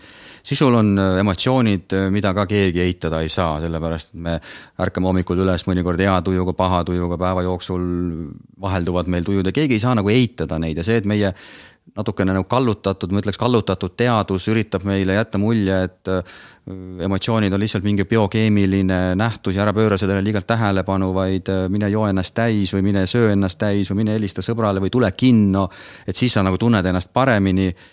et äh, see on üks nagu viis, aga tegelikult, kui me küsime, mis on emotsioonide tööriist siis äh, ta panebki meid liikuma, et ta annab teatud sellise vitaalsuse meie kehale. kui meil on paha tuju, siis mõnikord me tahame mossitada ja tõmmata endasse, aga mõnikord paha tuju paneb meid justkui nagu tegutsema, ehk siis ta annab teatava nagu impulsiivsuse meile. ja mõned emotsioonid on siis sellised, mis panevad meid mingi asju nagu tegema, kiirendama nagu, et a la tee seda, tee seda, tee seda. ja on siis mingid emotsioonid, mis panevad meid nagu aeglustama, et a la tõmmata tagasi ja võib-olla see ongi selline enesereflektsiooni aeg, nii et tal on väga-väga selge funktsioon ja meie siis isiklikult äh, kogeme seda läbi nagu tundmise, et me tunneme. siis äh, kolmas nähtuste grupp ongi kogu mõttemaailm ja keegi ei saa eitada, et tal mõtted on ja mõtteid ei saa emotsioonidega ju segamini ajada, sest et kui sa hakkad lähemalt vaatama ja mõttega uurima, mitte lugema kuskilt nagu Osho raamatust, vaid sa hakkad päriselt jälgima, kas mu mõtted on sama nähtus näiteks, mis on mu emotsioonid, et kas nad toimivad minu sees samamoodi, sa avastad, nad ei toimi, need on kaks täiesti erinevat asja juba sellest alates, et emotsioone me kogeme rohkem torsopiirkonnas, mõtteid me kogeme rohkem nagu peapiirkonnas ja kui sa paned need ühte patta, mis sageli tunduvad olevat ühes pajas, sellepärast et nii kui sa mõtled millelegi, sa tunned kohe midagi. aga nüüd see teadvustamine võimaldabki seda nagu eristada, siis hakkad vaatama, et sul on mõtted olemas, sul on mingid mälestused, sul on mingid ettekujutlused ja mis on nende tööriist Nendel on mingi kasutusala peab olema jällegi, et tal on mingi põhjus olema, miks sul need mõtted on ja ongi. sa analüüsid, sa järeldad, sa oletad, sa hindad, see on täiesti nagu vajalik tööriist, ilma milleta mitte keegi ei saa. Nii et sul ongi nii-öelda ümbritsev keskkond, sul on füüsiline aparaat, sul on äh, emotsionaalne aparaat, sul on nii-öelda mõistuse aparaat ehk siis mentaalne aparaat. ja siit võrrandist on ainult puudu üks asi, mis on mingil põhjusel, jällegi teadus ütleb, et see on sinu ajus toimuvate mingite biokeemiliste nähtuste jääkprodukt, et sul on teadvus üldsegi, aga kui sa lähed peegli ette ja vaatad peeglisse, siis ma usun, et te tunnete, et ei ole nagu lihtsalt üks jääkprodukt, et, et keegi justkui on seal silmade taga, see mina nagu, et sul on mingi mina, isiklik mina kogemus ju. ja nüüd kõik need eelnevad nähtused, see tass laua peal, ta ei ole endast teadlik, tass ei ole teadlik, et a la, et tal on siin mingi teine tass kõrval üks, minu füüsiline keha ei ole endast teadlik, näiteks minu vasak varvas ei ole teadlik endast või minu vasak käsi ei ole teadlik, ta ei otsusta, et oh, nüüd on aeg siit võtta see tassike teed, et ta on täiesti nagu elutu ja inertne. minu emotsioonid ei ole endast teadlikud, et emotsioon ei mõtle, et ah kurat, keeraks Kaidule käru täna. et paneks täna, ainult, paneks täna ainult nagu negatiivseid emotsioone, et ta, ta on, ta on, ta on selle ära teeninud, ei ole, ta on lihtsalt jõud nagu, ta on energia. ükski mõte ei ole nagu teadlik endast, et noh, et et vot ma tean, et ma olen selline mõte ja nüüd ma, ma ei tea, põhjustan sellega, selle, sellega Kaidole kannatusi. ja tekib küsimus, et, et kui ükski nendest ei ole nagu teadlik, et äh, samal ajal me ju kogeme ennast nagu eneseteadliku inimesena, et kui sa võtad selle osadeks lahti, ütled okei okay,, mul on füüsiline keha olemas, aga kõige fundamentaalsemal tasandil ma ei koge ennast tegelikult füüsilise kehana, sest ma juba ütlen seda, et see on minu keha näiteks või kui mõni inimene näiteks kaotab vasaku käe, siis äh, tal ei teki nagu kõhklust, et kus ma olen nüüd nagu, kas siin või seal, kus mu käsi on nagu, et. Äh, et ta tunneb, et ma olen siin ja nii kaua, kui ma olen, nii kaua, kui ma olen teadvel ja mu nii-öelda teadvus on siin peapiirkonnas, ma tunnen, ma olen siin ja sa võid võtta mul poole oma kehamassist ära, sa võid mu käed-jalad ära võtta, tõenäoliselt kuni ma olen elus näiteks ratastoolis, ma ikkagi tunnen, ma olen siin. sõltumata, et minu enamus kehamassist on, nii et fakt on see, et ma ei koge ennast tegelikult füüsilise kehana. Siis äh, keegi ei ütle, et ma olen minu emotsioon näiteks, ma ütlen, ma kogen emotsiooni, mul oli, hommikul oli paha tuju, siis oli normaalne tuju, oh õhtul läks väga heaks, et sõbrannad tulid külla näiteks, sa avastad oma emotsioonide vaheldumist ja keegi ei aja ennast tegelikult sellisel kujul segi emotsioonidega keegi ei aja ennast segi ka mõtetega, et oh, kas ma nüüd olen oma mõte või ei ole, need mõtted on meil nii lähedal, nad on siin peapiirkonnas.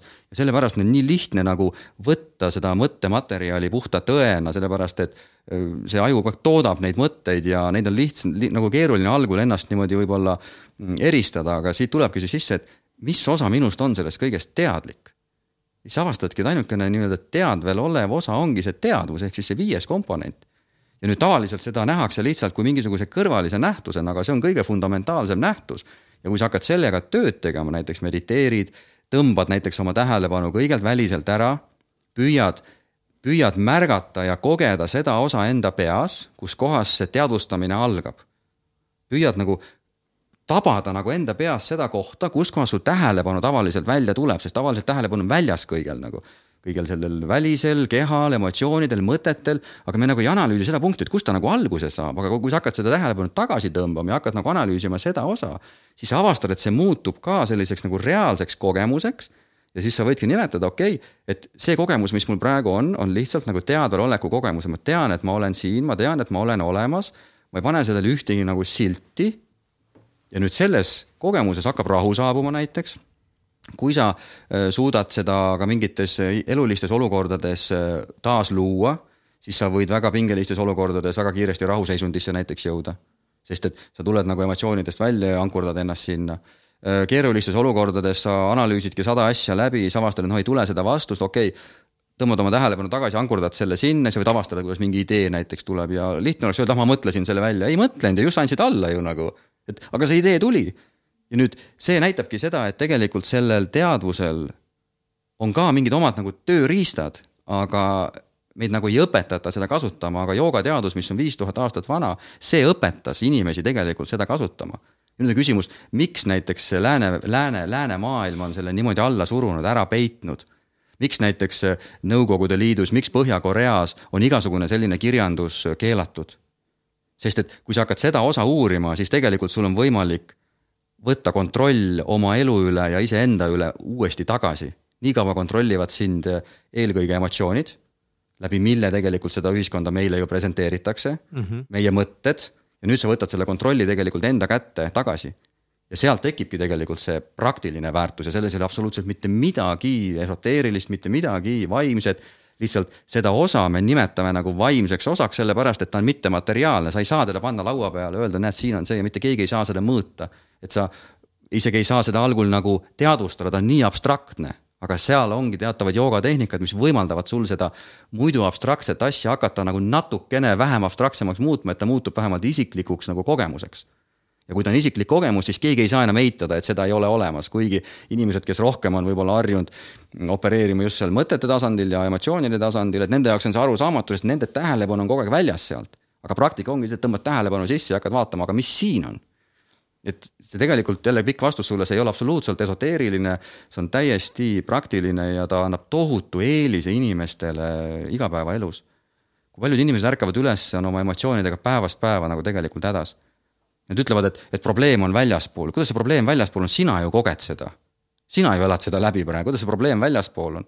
ja kui sul näiteks õnnestub teatud joogalike tehnikatega see valu ära võtta, kujuta ette, sul oleks mingi lüliti näiteks, lülitad selle välja ja viieks minutiks ei tunne mingit ebamugavust kas sa lülitaks sisse-tagasi selle või? ma küll ei lülitaks nagu ja see ei tähenda seda, et ma mingiks nagu köögiviljaks muutun. ma lihtsalt ei tunne seda ebamugavust enam.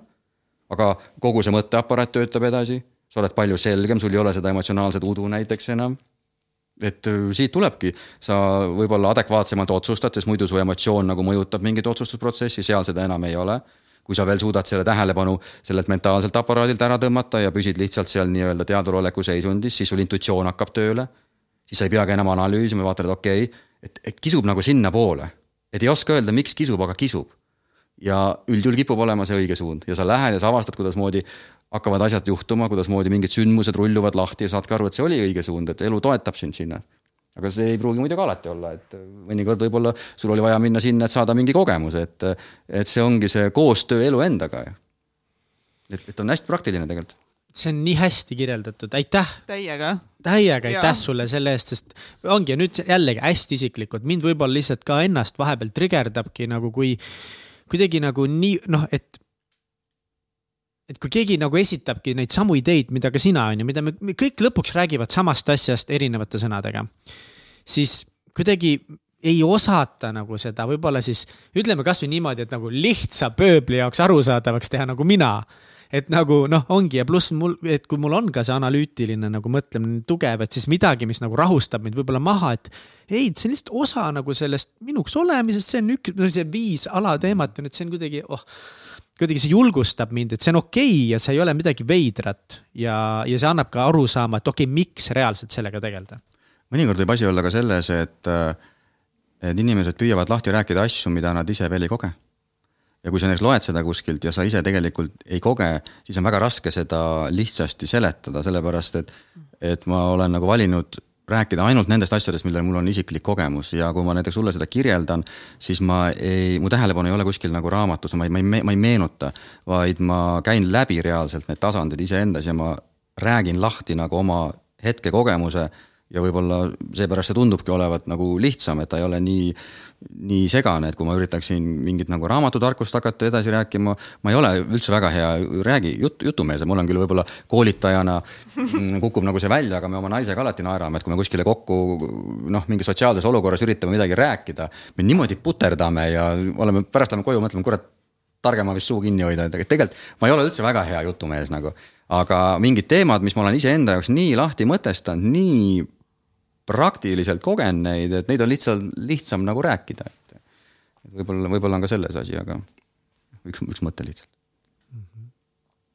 eelmine saade ja siin ka juba rääkisime, rääkisimegi nendest kannatustest on ju, millest me siin kõik eh, justkui tahame siis vabaneda, mhm. tunda ennast. Eh, me räägime paremini. psühholoogilistest kannatustest, et kuulaja aru saaks siis jah ja,, mis ongi tegelikult emotsioonid. jah mm, -hmm. et millised on mõned eh, kuna meil käis täitsa pikk saade siin on ju, mõned mhm. kannatused siis, eh, mis sa oled näiteks siin ongi viimase kolme aastaga siis, millest sa oled näiteks lahti saanud või mingid egosurmad, midagi?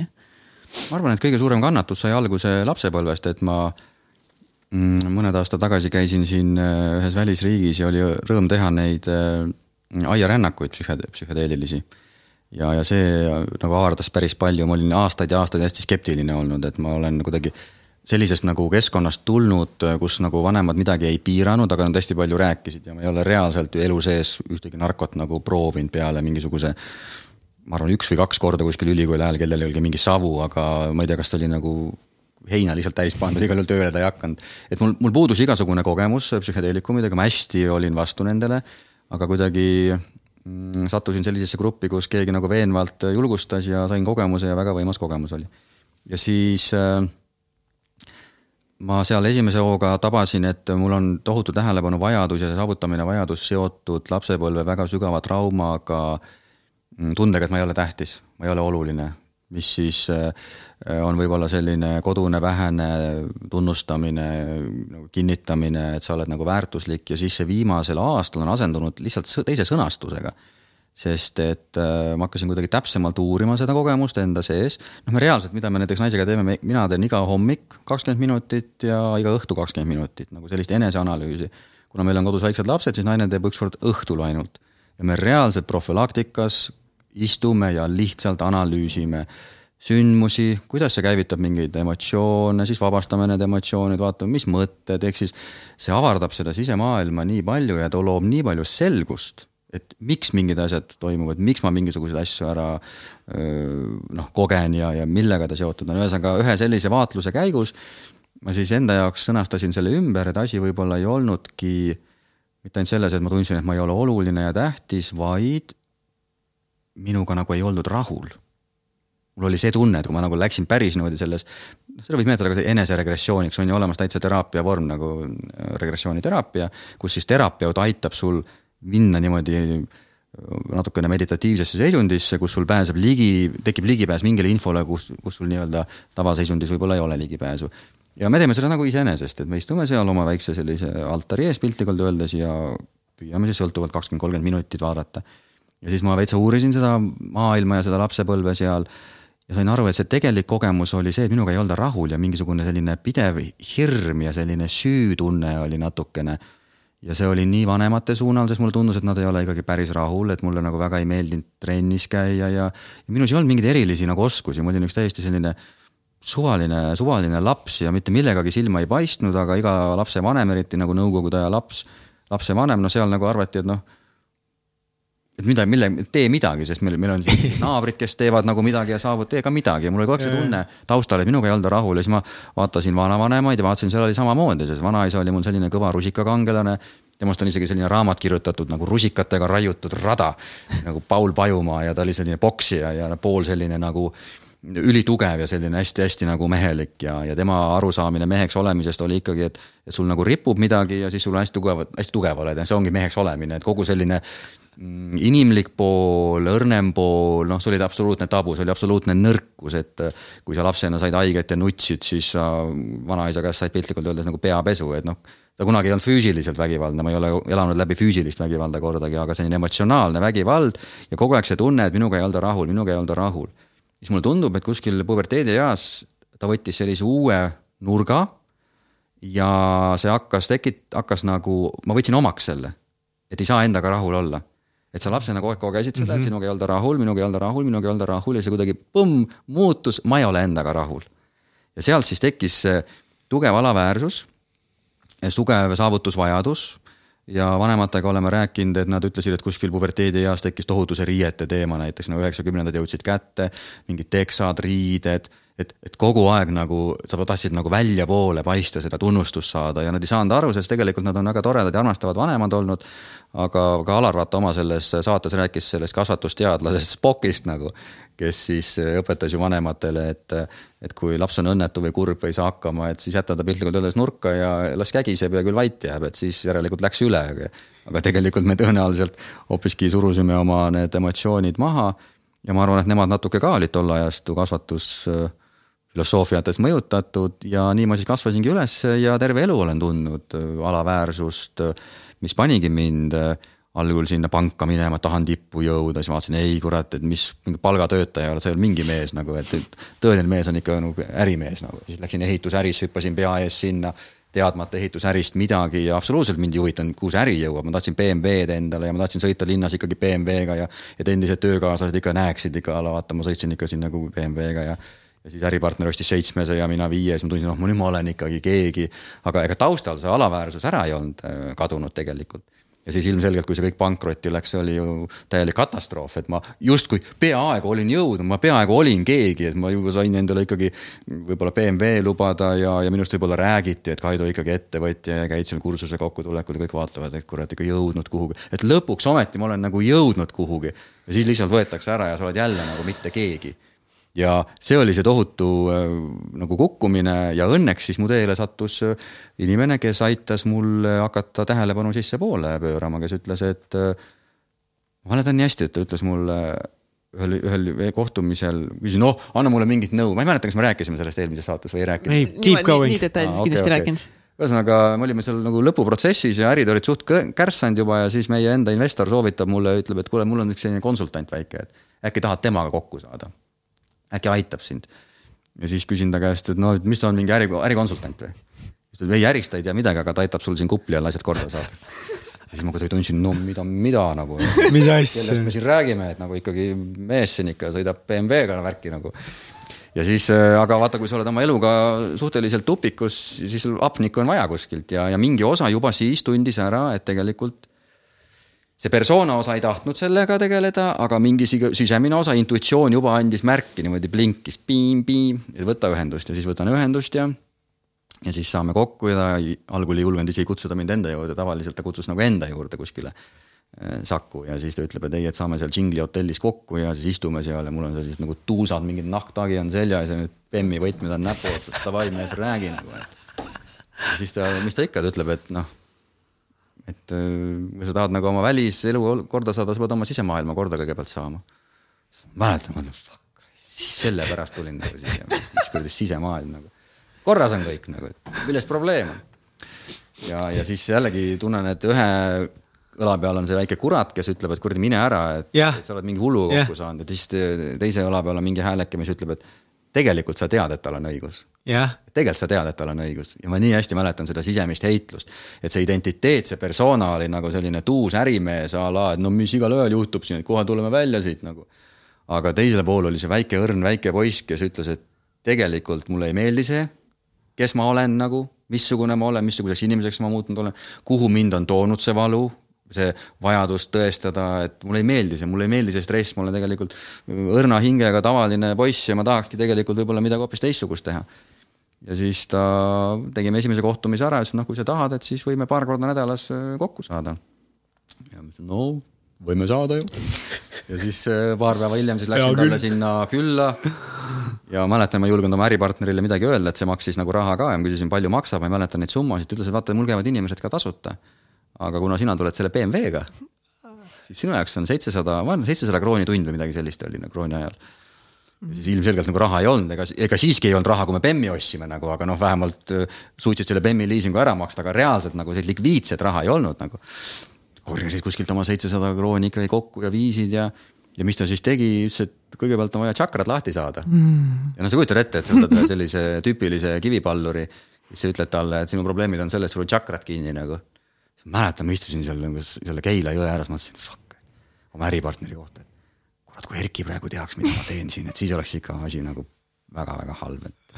et kurat, maksan ka veel selle eest nagu, et tööd oleks vaja teha, objektidega oleks vaja tegeleda. Siis... et kas sihuke tunne veits, et nagu noh, et praegu keegi petab mind siin umbes. nagu, nagu Jehoova tunnistajate mm -hmm. hulka oleks sattunud kuhugi ja siis äh, ma ütlesin, no mismoodi teeme tšakrat lahti siis. ta ütles, ega tšakrat niisama lahti ei saa teha, tšakrat tuleb lahti laulda ütlesin okei okay,, vaatan ringi, ühtegi inimest nagu ei ole, ma ütlesin okei okay,, et kuidas see käib, no tõuse püsti ja ütleb, et igal tšakral on oma värv ja oma heli ja nüüd hakkame nagu omisema ja laulma. aga mis oli noh, ilmselgelt ma siis maksin talle selle eest ja tegin kaasa, ei tahtnud nagu, omastatud empaatiline inimene ei taha talle nagu ebamugavust põhjustada, istun siin ja ei tee kaasa, tegin kaasa. aga mis oli huvitav, et äh, seisund muutus. ja tuju läks paremaks, mingi kerguse tunne tekkis ja kui noh, talle ma muidugi ei öelnud seda algul, aga ma mäletan, et see sessioon sai läbi, läksin sealt läbi, läbi metsa oma BMW juurde. istun sinna, mõtlen, oh kui hea on olla, kuidagi nii hea tuju ja noh, ilmselgelt sel hetkel said teadvustanud, vaata, ma olin nii kinni nagu nendes alumistes tasemetes. lihtsalt tundsin, et tuju on parem, noh, tuju on hea. ja siis paar päeva oligi tuju hea ja siis läks nagu tuju halvaks jälle. ja siis helistan tüübile ja küsin, kuule, mis värk on, aga tuju on halb jälle, et. raha tagasi. et oleks vaja nagu tšakrat käima saada jälle. ta ütleb, et noh, võib-olla kunagi suudad ise oma tšakrat käivitama hakata, praegu vajad kedagi ja kui sul kedagi muud ei ole, võid siia tulla. ja siis hakkasingi käima ja pärast tuli välja tegelikult, et ta selle rahaga veel toetas hoopiski, mitte ei võtnud endale, vaid toetas mingit seda kohalikku poiste jalgpalli mm, klubi, aga lühidalt kokkuvõttes üks püant oli seal väga huvitav. küsisin ta käest siis, mis ma tegema pean, anna mingi konkreetne soovitus ka nagu. ta ütles, et müü oma kuradi Nõmme BMW maha nagu. Ma mäletan seda hetke, siis ma tundsin ja ma ütlesin talle otsa ka, no ma usaldasin, ta oli nagu isa figuur natuke minu jaoks nagu selline nagu okay. guru, natuke guru yeah. natuke. ja ma ütlesin, et, et mul on kõigest juba ilma jäänud, et nagu kõik ei ole, noh, kõik ärid on nagu kärssamas ja et kuule, kes ma siis olen, kui ma selle BMW maha müün oh. siis ta ütleb selle peale, et väga hea küsimus, uuri välja, kes sa oled siis, kui sul seda BMW-d enam ei ole et praegu sa oled kõva mees tänu sellele, et sa oled BMW, uuri välja, kas sa oled sama kõva mees ka ilma BMW-ta. tule, mul on täpselt sama tunne praegu, mine perse. ja siis äh, ma muidugi, ma, ma seal kuradi puhitasin natuke rinda ja läksin nagu koju ära, et mis asja BMW, et no ma olen ikkagi nagu jõudnud kuhugi ja saan lubada endale midagi. ja siis äh, ma ei mäleta, kus, kas Männikul või kuskil järve piirkonnas igal juhul oli see, et vaata, öeldakse, asjad juhtuvad nagu põhjusega ja siis istun seal uhkes BMW-s ja, ja valgusfoori all ja siis vaatan niimoodi vasakule ja siis mingi selline rõõla tuleb nagu suure S-mersuga. ja siis niimoodi. vaatab niimoodi, niimoodi. noh, tegime niimoodi üksteise niimoodi, noh, kaks kõvat meest nagu. siis pöörame niimoodi pilgud tagasi ja siis vaatan teisele poole, tuleb mingi suur selline Land Cruiser. ja see tüüp oli vaata kõrgemal nagu. see tüüp vaatas meile täiega ülevalt alla niimoodi, mis tee kuradi jopskit seal, vaata, kus ma olen ikka siin kuradi mm. änkari roolis. ma mäletan, mul tekkis selline nagu valgustusmoment, kus mingi hääleke ütles, et kolm idiooti. et tõenäoliselt jumala normaalsed inimesed, kodus tõenäoliselt samamoodi söövad, käivad pissil, käivad kakal, on õnnetud, vahepeal vajavad nagu oma võib-olla vanemate tähelepanu, sõpradega joovad täis ja tunnevad oma neid tundeid. ja siin on ostnud endale mingisugused kolakad ümber ja siis käivad ringi ja ja näitavad siis kõikidel, tegelikult ma olen hästi kõva mees. ja ma mäletan, ma otsustasin, ma ütlesin, et ma ei taha osa sellest äh, mängust olla enam. et, et see ei ole õige, ma nägin selle läbi nii selgelt ja panin BMW müüki ja see oli toona ikkagi mingi, ma ei mäleta, mingi viissada, kuussada tuhat maksis. kahe päevaga, põmm, osteti ära ja siis saadan nagu sellele, Ralf oli selle inimese nimi. Mm, et kui keegi tahab, ta võib vaadata hagal.ee, ta siiamaani tegutseb, ta on nagu väemees Ralf ja saadan Ralfile sõnumi, et kuule, mida, mul osteti BMW kahe päevaga ära, et nii kallis auto. ja sealt tuli vastus ainult, õiged asjad juhtuvad kiiresti. Ja siis ostsin, võtsin mingisuguse sealt, no firma oli juba seal allakäigus, mingi vana Citroen oli, eriti rõve pann selline nagu. ja siis ma pool aastat tagasi ma olin omast arust olnud keegi sõitnud BMW-ga ja ma tundsin, et mul on vaja sellesse Citroeni minna. et ma ei hakka seda vahetama, kuigi ma oleks saanud ja ma sõitsin selle panniga ringi ja need esimesed nädalad olid õudne. aga ma tundsin, kuidasmoodi seda, see kärsatas ego, kuidas ta kärsatas tegelikult seda äh, identiteeti.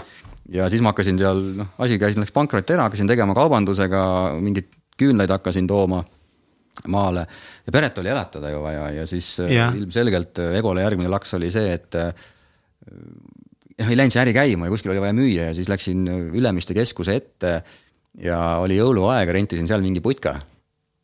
ja müüsin seal mingeid küünlaid ja, ja, ja piparkooke. Piltlikult öeldes aasta tagasi olin oma tutvusringkonnas olnud see kuradi kõva mees nagu, et kes kuhugi jõudis. ja nüüd istud seal noka või see tutimüts peas ja müüd neid piparkooke ja siis äh, mäletan, et mingid tuttavad tulid ja vaata, identiteet ei olnud veel lahustunud ja ego oli veel nii suur ja ma nägin, et tuttavad tulid. ja ma keerasin ümber, hakkasin pakkima, sest ma ei julgenud veel näidata. ma elasin nii sügavas vales, ma ei julgenud näidata, et tegelikult ma jooksin täiega kinni.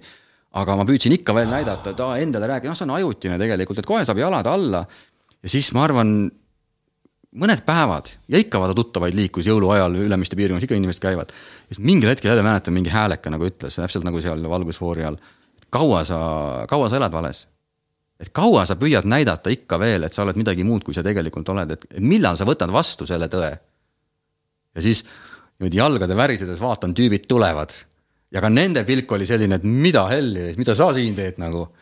ja siis ütleme, esimestele tuttavatele ütlesin niimoodi, et noh mõtlesin, et teeks vahelduseks ka midagi põnevat, pakuks uusi kogemusi endale. ehk siis ikka veel ei tunnistanud, et a la, et tegelikult on vaja nagu arved ära maksta ja, ja müün siin piparkooke nagu ja, ja piltlikult öeldes kerjan tegelikult, et osta mu küünal nagu. aga siis peale seda julgesin hakata välja ütlema ja mäletan, et see mõjus nii paganama hästi et sa võtsid iseenda vastu, et, et sa oled, sa oledki siin täna, sa oledki täna see, kes müüb piparkooke ja see, et sa ostad endale BMW või see, et sa räägid midagi muud, sa elad vales ja see vale hakkab sind koormama ja sind tegelikult sisemiselt sööma. ja see oli see moment, kus ma väga-väga selgelt hakkasin eristama, et mis on identiteet, mis on ego, mis on need hirmud, mis tegelikult seda osa toidavad ja mida tähendab päriselt siis äh, tões elamine. ja noh, õnneks mind see Ralf toetas ja kuidagi mulle jäi külge see vaimne pool, sest et mul oli ka paar tuttavat, kes äh, tulid sellest raskest ajast läbi ja vaata sageli on nii, et saad jalad all, jalad alla ja sa kaotad selle, selle vaimse huvi. et see vaimne huvi on justkui ainult nagu tööriist selleks, et jalad alla saada. aga mulle kuidagi hakkas päriselt see huvi pakkuma järjest nagu sügavamale, sügavamale, sügavamale. nii et see identiteedi teema on mulle väga-väga tuttav, jah. see oli Oled nii hea lugu, see oli nii, oh oh,. ma tundsin nii mitmes kohas ära, mul oli, ma tundsin seda valu, ma tundsin seda piinlikkust nii enda sees, ma mõtlesin oma selle Bemmi peale, siis ma mõtlesin oh, ma olin lihtsalt igal sammul sinuga praegu ja, ja just seesama nagu, et, et ma tulin Helmesest ühelt ma töötasin Helmes, ma olin sihuke, ma tulin sealt ära. mu suhe purunes, on ju, et ja mingid, kui, kui mul seda bemmi ka enam ei ole, siis nagu. kes ma nüüd olen? kes ma üldse olen, mida lahedat mulle jäänud umbes siis on, et nagu ma olen unistanud nagu terve elu ka nagu ägedast autost ja mul lõpuks nüüd oli see ja kas mm. nagu oh, Oh, vaata nüüd ongi, ma natuke siit niimoodi.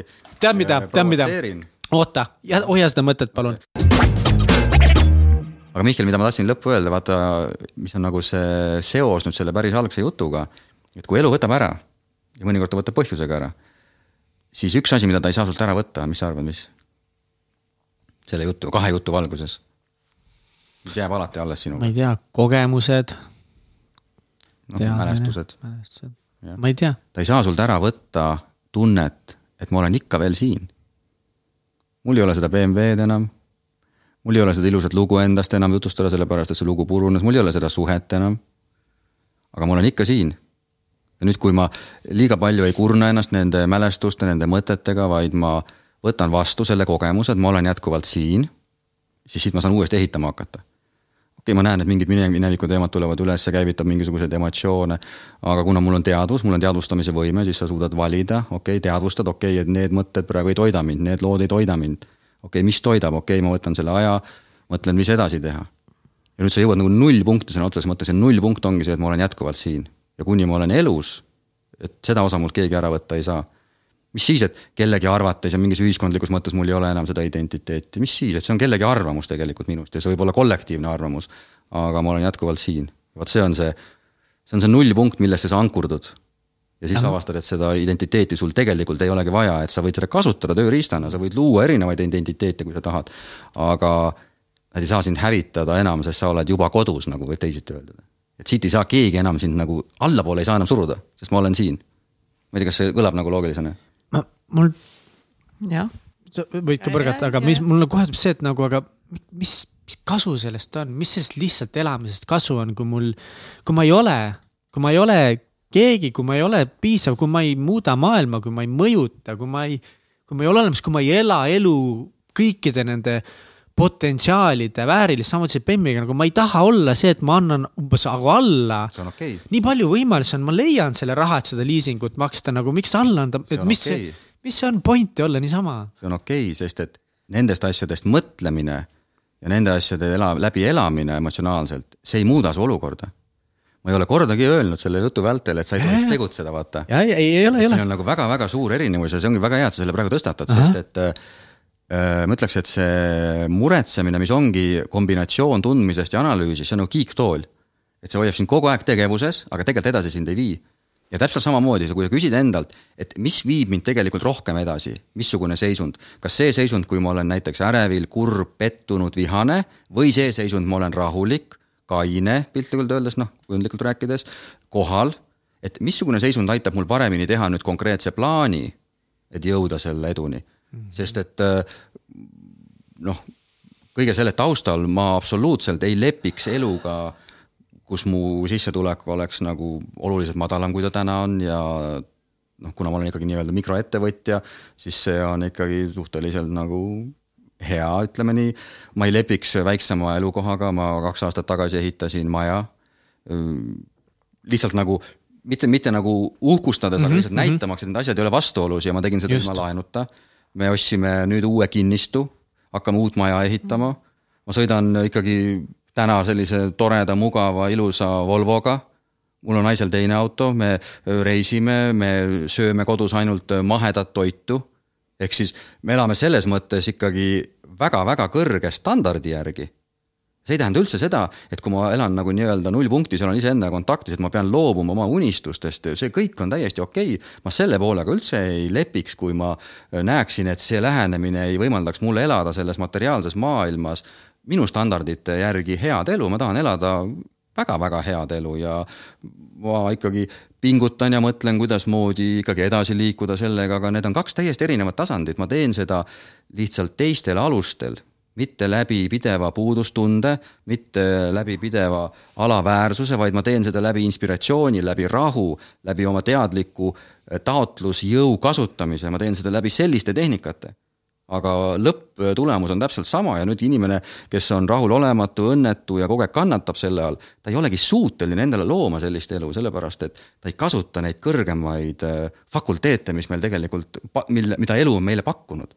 Sest ta ongi kogu aeg hädas oma nende tunnete ja, ja, ja mõtetega ja, ja selle tasandiga kogu aeg ta on hõivatud. ja nüüd selleks päris loomiseks ja oma elu kujundamiseks, tal ei jätku lihtsalt nagu mentaalset ja, ja emotsionaalset energiat ja veel vähem sellist nagu taotluse jõudu, mis tuleb palju sügavamatest äh, kihtidest kui lihtsalt üks mõte või emotsioon, nii et, et see on väga hea, et sa selle tõstatasid mm., see üldse ei tähenda seda, et sa peaksid minema ära koopasse elama, vastupidi, mulle väga meeldib selline hea elu, mida ma praegu elan. Tood pisara silma mulle lihtsalt pärast teeme kalli.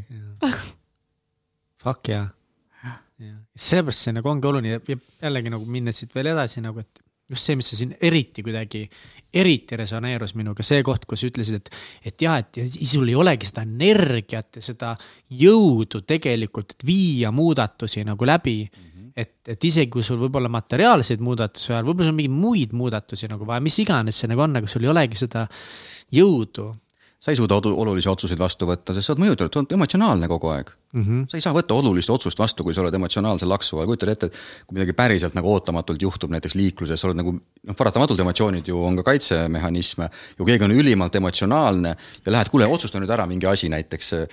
mis sa nüüd teed selle asjaga, ootama, rahune maha kõigepealt, et ma sellest ei taha üldse rääkida aga tegelikult see emotsionaalne foon on meil kogu aeg üleval ja kui ta kogu aeg äh, on üleval ja me sellel nii-öelda taustal olevate emotsioonide keskel peame otsustama päriselt olulisi asju, valikuid tegema, et mida oma äriga teha, mis asjadega edasi liikuda, mis asjadega vähem edasi liikuda, siis sa oled ebaadekvaatne ja sa võidki teha valesid otsuseid või sa ei suudagi ära otsustada, sest sa tunned kogu aeg, et hetkel ei ole seisund see, kus ma tahan otsustada. Ja nüüd, kui sul see nii-öelda eristamisvõime ehk siis see teadvustamise võime on ka nii madal, siis on ka väga tavaline, et sa ei suudagi läbi näha päris maailma, näiteks mõttemaailmast.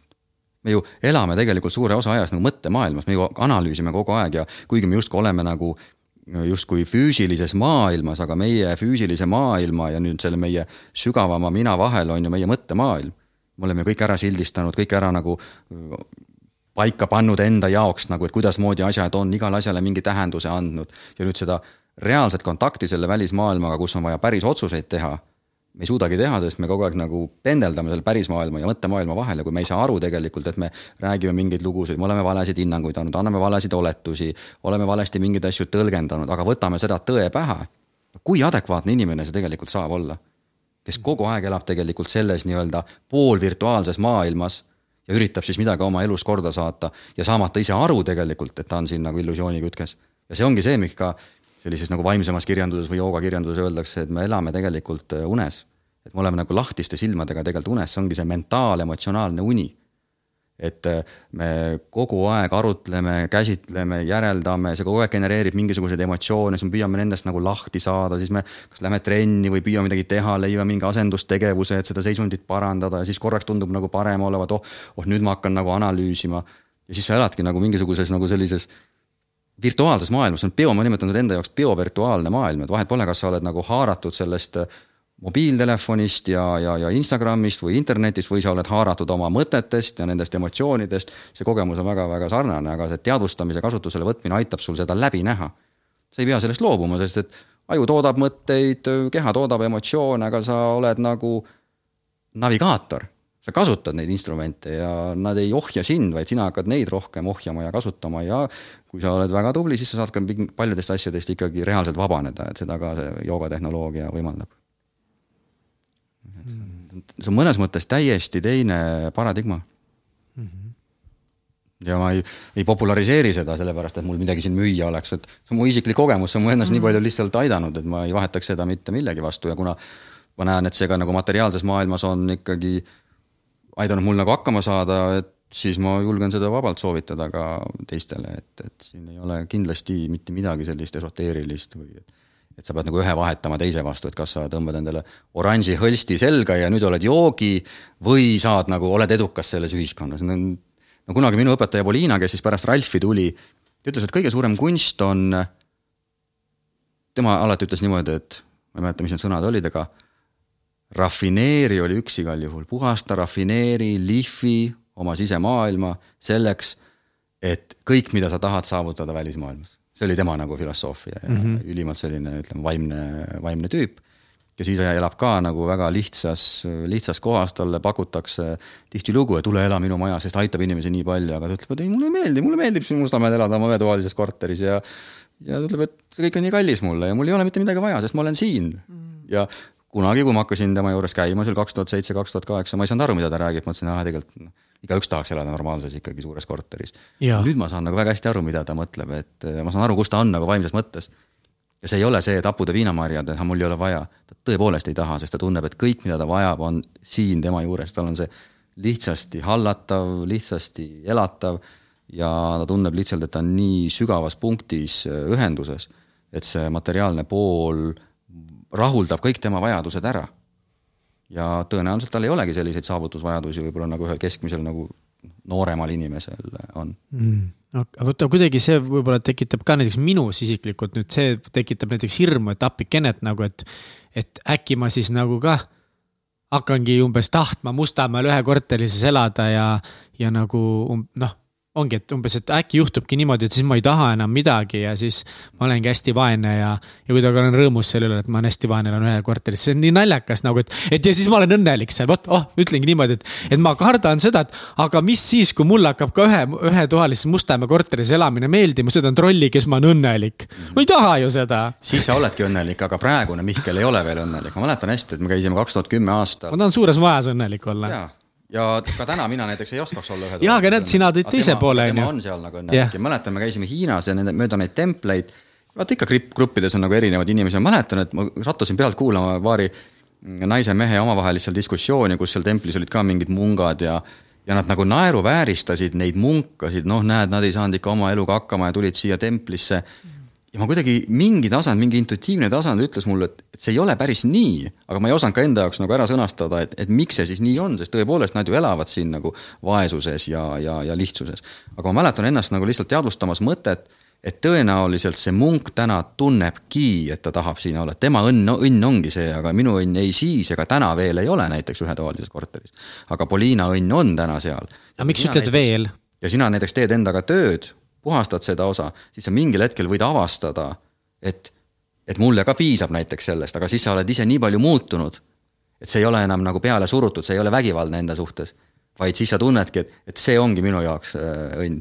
nii et, äh, et seda allasurumist, ma arvan, peaks nagu vältima vaimses mõttes, mida ka mõnikord propageeritakse, et kuna ma olen nii vaimne, mul ei ole neid asju vaja see on nii naljakas, ma praegu nagu tunnen, et ma pigem olen õnnetu ja ajan oma seda suurt maja taga, kui et olen õnnelik ja ühetoalises. Mhm. see on nii naljakas. see on see tänane Mihkli identiteet, mis seda ütleb.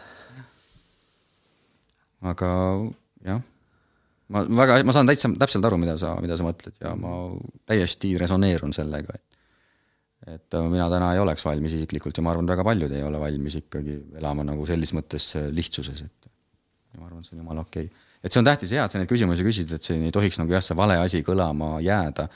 sest et eh, mis ju tihtilugu juhtub, ongi see, et loed läbi selle, ma ei tea, Munk müüs oma Ferrari ja siis sa tunned, et tegelikult sa oma arengus hetkel ikkagi tahaksid elada normaalset elu, sa tahaksid midagi saavutada, sa tahaksid eh, kaaslast, sa tahaksid lapsi, sa tahaksid kõiki neid asju ja nüüd sa loed läbi mingisuguse nii-öelda vaimse kirjanduse, kus öeldakse, et see on vale ja siis sa mõnes mõttes hüppad üle oma varju sa juba lood sellise keskkonna, kus sa tegelikult kannatad, kus sa rahul ei ole ja nüüd sa püüad selle vaimse poole sinna järgi tõmmata, aga see saab toimuda ainult läbi allasurumise. et sa surud maha need vajadused ja tuletad endale meelde, et oh, aga seal ikkagi Robin Sharma ütles seda ja seal ikkagi ütles seda, et noh, et tõenäoliselt ikkagi see on õige, et raha ei ole vaja ja seda ei ole vaja, kuigi seest põleb mm kõik. ja see on nagu vaata selline enda suhtes vägivaldne aga teistpidi minek on see, et sa öö, oled alati seal keskkonnas, mida sa tahad, sa püüdled sellise keskkonna suunas, millest sa, mida sa nagu unistad, noh, mõõdukalt selles mõttes, sa pead ikka aru saama, kust lähevad sinu enda motiivid ja võib-olla väljaspoolt peale pandud motiivid. ja nüüd sa ajas võid hakata märkama, et oh, ma tahtsin seda maja ja nüüd, kui ma sain selle maja, siis ma tunnen, et tegelikult mul ei ole seda vaja, aga enne maja saamist ma ei oleks osanud sellest loobuda noh, mul oli näiteks autoga, ma olin selline, üks osa seal nooruses oli ju seesama auto, miks ma seda BMW-d tahtsin ja ma väga tahtsin, ma tundsin, et, et see on üks minu elu suurimatest eesmärkidest, et see oli kuidagi minu kui mehe jaoks selline staatuse ja edu, edu sümbol. ja kui ma lõpus väga-väga kummalisel kombel selle auto endale sain. ma ei mäleta seda lugu. mis bemm sul oli? ei, see, see oli, see oli teine lugu, see oli, siis oli viiene, mingi viis, kolm, null oli see ja äripartner ostis seitsmese aga ühesõnaga, see oli huvitav lugu, me käisime naisega pulmareisil. ja ma olin nagu auto vahetamise faasis enam-vähem, mul oli, ma olin sellest pankrotist alates sõitnud väga tagasihoidlike brändidega ja kuigi ma oleks saanud juba lubada endale, aga ma sõitsin jätkuvalt siis Ford Mondega, sest ma tundsin alati, et ma ei taha enam kunagi tunda, et auto on minust üle. Et ma oma vaimses arengus, oma mingisuguses nagu materiaalses seisus pingutan nagu liialt. Ja Ralf mulle ütles kunagi, et osta alati see auto, mille sa saaksid ka kohe välja osta, olgu ta kasvõi saja tuhandene auto, aga olgu ta selline auto, mille sa tegelikult saad välja osta. et ma olen nagu lähtunud sellest äh, põhimõttest. ja siis äh, olin nagu enam-vähem, auto oli viis aastat täis saamas, ma olin vist isegi pikendanud seda, ma olin, ma ei mäleta, mitu aastat taga sõitnud. ja siis käisime Pulma reisil ja oli just välja tulnud see Volvo, uus S-klassi S üheksakümmend ja ma nägin seda seal Norras ühes parklas. ma tundsin, et, et üle pika aja üks auto, mis mulle päriselt meeldib välimuselt. selline soliidne, härrasmehelik, üli selline viisakas. Kihvt auto. jõudsime hotelli tagasi, vaatan, seitsekümmend viis tuhat oli hinnasilt, mõtlesin, kaks tuhat seitseteist aasta. mõtlesin, no elu sees ma ei hakka nagu, ise rassin siin, teen koolitusi ja isegi kui ma saaksin seda lubada, no mis mõtet on nagu sellel. ja siis äh, rääkisin ka naisele oma unistusest ja, ja siis ütlesin, et tead, ma panen selle teema kõrvale, et ma elu sees ei hakka isegi kaaluma, seal ei ole mõtet, see ei ole otstarbekas nagu, et, et ma sõidan praegu selle Fordiga edasi et öeldakse mõnikord, et saad kõik, millest loobud. Ja siis äh, mõni kuu läks mööda ja kutsuti mind ühte autoettevõtte, automüügiettevõttesse jutule koolitustest rääkima. et noh, saame kokku, arutame mingit meeskonnakoolituse värki.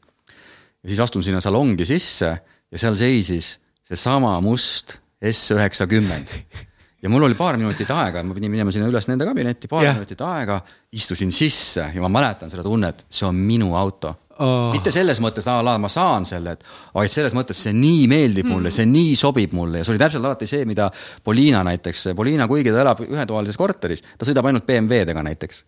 ta ütleb, et, et, et ma ei saa aru, et miks see BMW-l selline tähendus on nii kihvt auto ja mulle meeldib BMW. ja siis vaatan mingi selline vanem naine, natuke selline nagu nõia, nagu nõid selline, tuleb mingist BMW-st välja, viiene BMW näiteks. ja ta ütles, et mulle nii sobib, mulle sobib see energia, mida see BMW nagu tekitab siis ma alati mõtlesin, et aa, see on mingi identiteedi teema, aga nüüd ma olen aru saanud, et see ei ole identiteedi teema. ja siis istun seal ja mõtlen, et mine ära. vaatan sealt seda hinnasilti, nelikümmend üheksa tuhat. mõtlesin, et palju, et ma elu sees ei viitsi nagu hakata sellist äh, autot ostma, nii panin selle, mõtlesin, oh, aga noh, kunagi võiks midagi sellist endale osta. siis lähme sinna vestlusele, räägime nagu koolituse jutud ära. ja siis äh, jõudsime ka nende nagu arveldamiste, kuidas siis ja kui palju ja, ja siis see omanik küsib, et kuule kas sa partneri peale ei ole mõelnud või, et kas sa partneriga oleksid nõus või? ütlesin, et noh, et a la partneritehing, et a la sina annad midagi ja mina annan sulle midagi ja ma ütlesin, no ma ei tea, et põhimõtteliselt olen. aa, näed, siin üks Volvo tuli meil, et see ostja hüppas alt ära, et seda ei taha endale või? ütlesin, et mis mõttes? noh, sõida lihtsalt, et teeme mingid koolitused ja vaatame, palju see maksab ja ära maksa midagi, aga et võid selle auto endale võtta ja mul oli niimoodi, et mida helli nagu, et, et kas see päriselt juhtus ja ise olen muidugi niimoodi, noh miks mitte, noh, mul ei ole otseselt nagu vahet.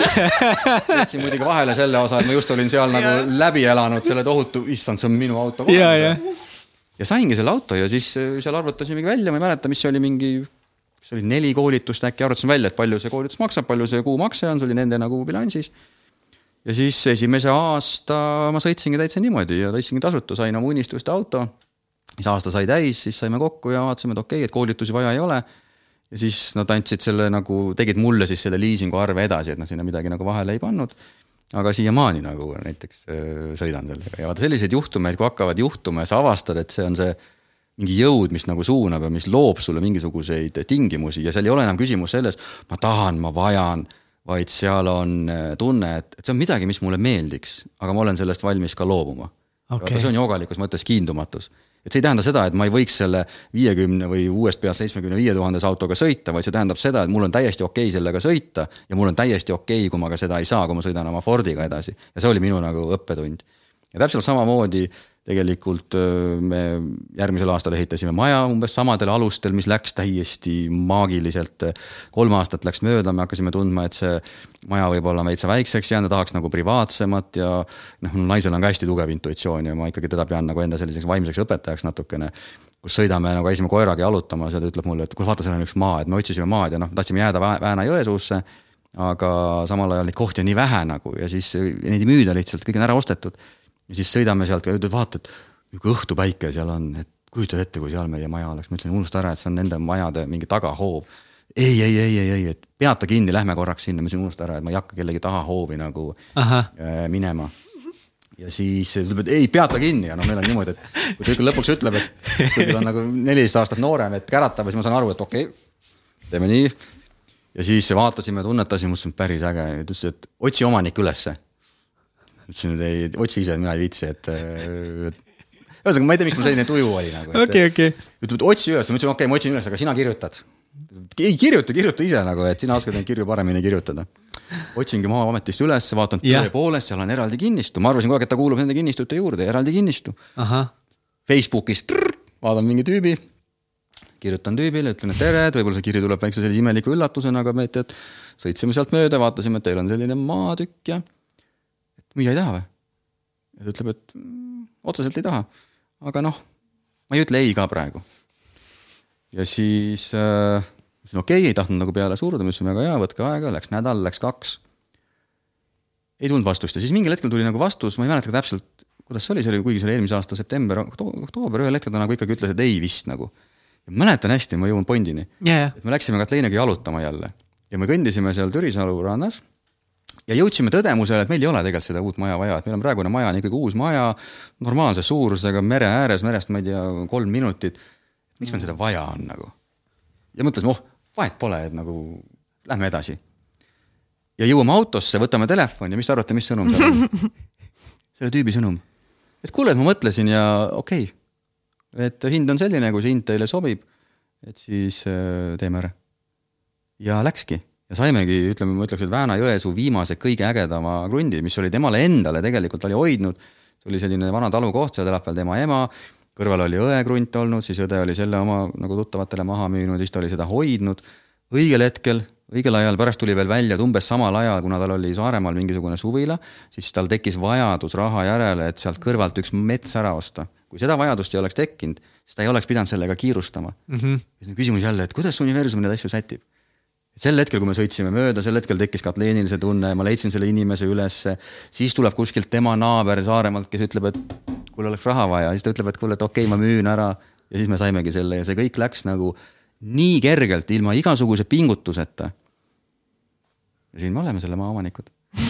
ja me ise nimetame seda absoluutselt nagu maagiaks. Ja see on see viis, kuidasmoodi võib-olla on võimalik ka luua ja manifesteerida oma maailma ja ellu asju, olemata liialt kiindunud ja kuidagi nagu sõltuv ja see ei ole kuidagi selle identiteedi ja, ja ma, ma vajan ja ma tahan ja ma pean ja et need osad on täiesti kõrvale jäänud, vaid siit tekib mingisugune täiesti maagiline side nüüd sellega, vaata päris algul me rääkisime sellest lepingust mm. -hmm. et kui ma siis rääkisin lepingust, siis oligi see, et mina nagu teen lepingu kellegagi, aga mingil hetkel, kui sa hakkad nagu rohkem kontakti saama just selle sügavama või noh, kõrgema osaga, siis sa avastad, et sa oled nagu osa mingist tervikust. ja sa mingite nagu mingite viisidega nagu suunad natuke lausa võib-olla mingisuguseid protsesse ja samal ajal see käib väga nagu alandlikult ja väga ettevaatlikult, sest sa ei saa nagu oma ego siin kasutusele võtta, vaid see käib ikkagi läbi sellise nagu alandlikkuse, et, et piltlikult öeldes noh, kui on võimalik, et meile väga meeldiks selline maa. no ma räägin nüüd sellest suhtest nii-öelda selle kõiksusega. ja vot see kõlab esoteeriliselt ja see ongi esoteeriline, ma tunnistan mm. -hmm. aga kui ma ei oleks ise nende aastate jooksul seda kogenud, siis ma võib-olla ei julgeks ka seda väita, aga. aga äkki oli lihtsalt kokkusattumused, lihtsalt joppas ja,? jah. kokkusattumus võib ka nii vaadata. see on see Ants Rootsase värk, et Ants ütleb kogu aeg seda, et juhuseid no, ei ole olemas, siis Mihkel Päevik ikka tuleb, no see kindlalt ei saa olla nagu niimoodi, ei, ma kindlalt usun, et juhused on olemas nagu. aga jällegi nagu noh, ma arvan, et see ei tee nagu liiga või noh, see on isiklik arvamus, ma arvan, et see ei tee liiga, et niimoodi nagu mõelda, et nagu ma usun, et on juhused olemas, sest mulle meeldib üks hullult lahe podcast on äh, Kai Raas How I built this. ja ettevõtjad käivad rääkimas, ta küsib iga saate lõpus, kõikidelt ettevõtjatelt küsib, et oh, et näed, ehitasite mett üles, kõik need aastad panite alla, nüüd oled seal väga cool, et. kui palju sa ise ütled, et sellest oli õnn ja kui palju sellest sinu edust oli sinu analüütilised oskused, teadmised, on ju, õigel ajal õiged otsused, kõik jutud on ju, vaata ja enamus ikkagi ütlevad niimoodi, et nagu enamus ütleb viiskümmend, viiskümmend, et ju, ma olin ikka sitaks õnnelik, hullult palju jopas, aga ülipaljud ütlevad juurde seda ka, et. et aga ma olin õnnelik ainult sellepärast, et ma tegutsesin, ma töötasin, ma olin turul, ma nägin vaeva, ma ei andnud alla, et, et ma kuidagi usun ka nagu niimoodi, et, et juhused on nagu olemas vahepeal asjad lihtsalt juhtuvadki, aga, aga nad nagu juhtuvad ikkagi kuidagi nagu ainult siis, kui sa ise oled nagu valmis ka. I don't know seda võib vaadata ka tervikuna, ma ise näen seda tervikuna, et see juhus, mis tähenduse me vaata juhusele mm -hmm. anname, võime kuni selleni välja minna, et kui suur pauk käis näiteks. ja oli tohutu plahvatus ja kõik universum hakkas tekkima. et kas see oli nagu juhuslik, et sealt mingisugused osakesed lendasid selles suunas, oli mingi algne jõud, vaata, mis selle käivitas ja kui me ütleme, et okei okay,, viisteist miljardit aastat on see käinud. ja iga eelnev sündmus on mõnes mõttes tinginud järgmise sündmuse, sest mitte ükski hetkel toimuv sündmus ei ole võimalik ilma sellele eelnenud mingite sündmustega ja kui sa hakkad niimoodi tagasi minema, siis sa avastad, et vau, et meile tundub, et meil on tohutult palju vaba valikut, aga sa avastad, et nad on tingitud kõik millestki, nüüd kui sa ütledki, et oma nagu võimete kasutamine, oma oskuste kasutamine, ka see viib tagasi millenigi, et see, et sa sattusid mingisse raamatupoodi, kus sa avastasid õige raamatu või sa sattusid mingisse seltskonda, kes andis sulle mingisuguse hea mõtte või sa sündisid mingite kaasasündinud võimetega, mis mingil kummalisel kombel sul nagu rohkem esile kerkisid kui teised ja siis me võimegi öelda, et see on juhuslik. aga kui vaatame nagu ühte tervikut, siis äh, võime öelda, et see on kaudselt juhuslik osaliselt juhuslik, et, et see on täiesti paradigma küsimus uh -huh. ja vaatenurga küsimus uh, -huh. ma arvan, et kumbki yeah. ei eksi. et ma olen ise valinud. Äh, tõmbas mikrofon just lähemale, mitte kaugemale. nagu siit, toetada rohkem. aa jaa, toeta, toeta ja nüüd pane paika endale see. valinud sellise vaimsema perspektiivi, sest mind see nagu huvitab ja mulle kuidagi meeldib niipidi mõelda, aga kindlasti võib seda vaadata ka läbi juhuse faktori. et seda kindlasti ei tohiks nagu peale suruda kellelegi. millised on mingid praktikad, mis ongi aidanud siis eh, sind saada paremasse kontakti iseendaga? no kõige viimasem ja võimsam praktika ongi olnud seesama ikkagi iseenda nii-öelda selle sügavama mina kogemine, ehk siis needsamad meditatsioonid siis mind on tohutult viimase aastaga just aidanud äh, selline äh, programm nagu TMK, ma ei tea, kas te olete kuulnud TMK Lilleorust, äh, Ingvar Villitoo poolt välja töötatud, noh, ta baseerub Kriia jooga süsteemil, aga ma käisin seal esimest korda kaks tuhat neliteist aastal, aga võib öelda, et ma ei olnud nagu valmis selleks ja ma tegin need asjad läbi. Okay., ma ei saanud seda tööle tegelikult. Okay. ma sain nagu napilt sain tööle kaks tuhat kaheksateist, kui ma ta raamatu läbi lugesin, seal on need tehnikad kõik antud aga ma. oota, mis raamat, Ingvari raamat või? jah, et emotsioonid mm, -hmm. inimkonna suurim sõltuvus, seal lõpus on ka need praktikad olemas. aga just ühes meditatsioonis eelmise aasta märtsis ma sain hästi-hästi tugeva sellise impulsi, et tee uuesti läbi.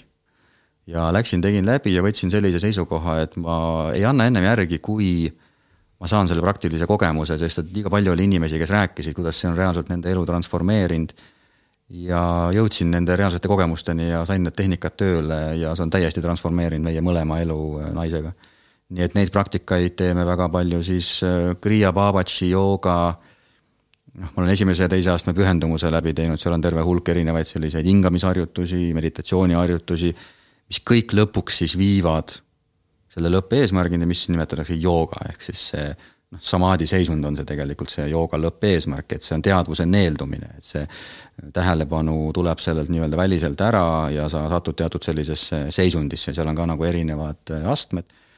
et need on need praktikad, mida ma teen, aga kõige laiemalt niimoodi lihtsamalt kokku võetuna need on meditatsioonipraktikad, et, et need võib nagu erinevalt äh, liigitada.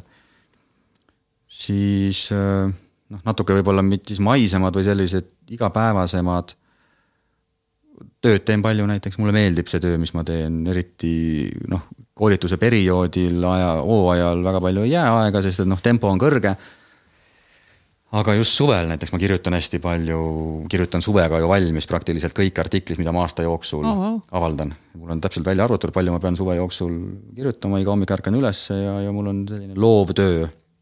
et seda väga näiteks naudin noh, selline distsiplineeritud nagu tegutsemine, vaata sa ütlesid ka algul, et see fookuse leidmine, et, et see ongi väga tihti suvel ärkad üles, ei viitsi. ja nüüd ongi see, et kas sa lased sellele emotsioonile otsustada, et ei viitsi. või sa ise otsustad, et viitsin küll. ehk siis sa näed seda emotsiooni, kui sa oskad, siis sa vabastad selle, aga kui sa ei oska, siis sa vähemalt saad seda emotsiooni impulssi ignoreerida ja minna ikkagi tegema ja siis, kui sa lähed tegema ja kui sa teed midagi, mis sulle meeldib, siis sa selle ei viitsi tunde asemel väga kiiresti leiad hoopiski vooseisundi kogemuse, et sa hakkad kirjutama vastu, vau, tegelikult on ju äge, et hea, et ma läksin nagu läbi sellest algsest. aga nüüd, kui see teadvustamise tase on nõrgem, siis sa jääd sinna emotsioonivõrku kinni. emotsioon ütlebki, et täna ei viitsi ja siis sa õigustadki ära selle, noh, ego ratsionaliseerib ära, no täna ei olegi, suvi on ikkagi juunikuu, et noh, aasta aega olen kõvasti rassinud, mis ma ikka nagu hakkan. ja siis sa järgmisel päeval ärkad üles ja vaatad, noh, ma eile ei kirjutanud, okei okay,, et peaks täna kirjutama, aga noh, suvi on ikkagi siis sa avastad, et kümme päeva on möödas, nädalad on möödas ja siis sa avastad, et hakkab mingi süütunne näiteks tekkima. ja nüüd, kui sa ei teadvusta neid asju ja sa ei oska nende asjadega midagi ette võtta, siis ühel hetkel oledki selline emotsionaalne ohver lihtsalt, sa oled iseenda emotsioonide ja valikute ohver, hakkad süüd tundma ja oledki kuskil nagu võrgustikus sees aga kui sa kasutad seda teadvustamise võimet, siis sa oled nagu justkui kapten laevas, sa saad nagu otsustada, et okei okay,, siin on see emotsioon, okei okay,, et ma ei lase tal nagu seekord seda otsust langetada, ma võtan ise selle otsuse vastu. et sealt tulevadki need praktilised võimalused, et mitte sundida, aga distsiplineerida ennast, fokusseerida mingitele tegevustele, sõltumata, mida ma tunnen sellel hetkel. ja nüüd mõni võib-olla selline emotsioonihuviline, kes siis väga võib-olla pooldab emotsioonide läbikogemist, ütleb, et ei, sa surud alla, ei, ma ei suru alla, sellepärast et sa teadvustad ja läbi teatud tehnikate on võimalik lihtsalt see vabastada süsteemist. ja sa oled täiesti neutraalses ja lähed ja teed selle asja lihtsalt ära, aga et seda kogeda, sa pead nagu reaalselt need tehnikad äh, omandama ja sealt. aga mis need emotsioonide vabastamise mingid tehnikad. on tehnikad, jah?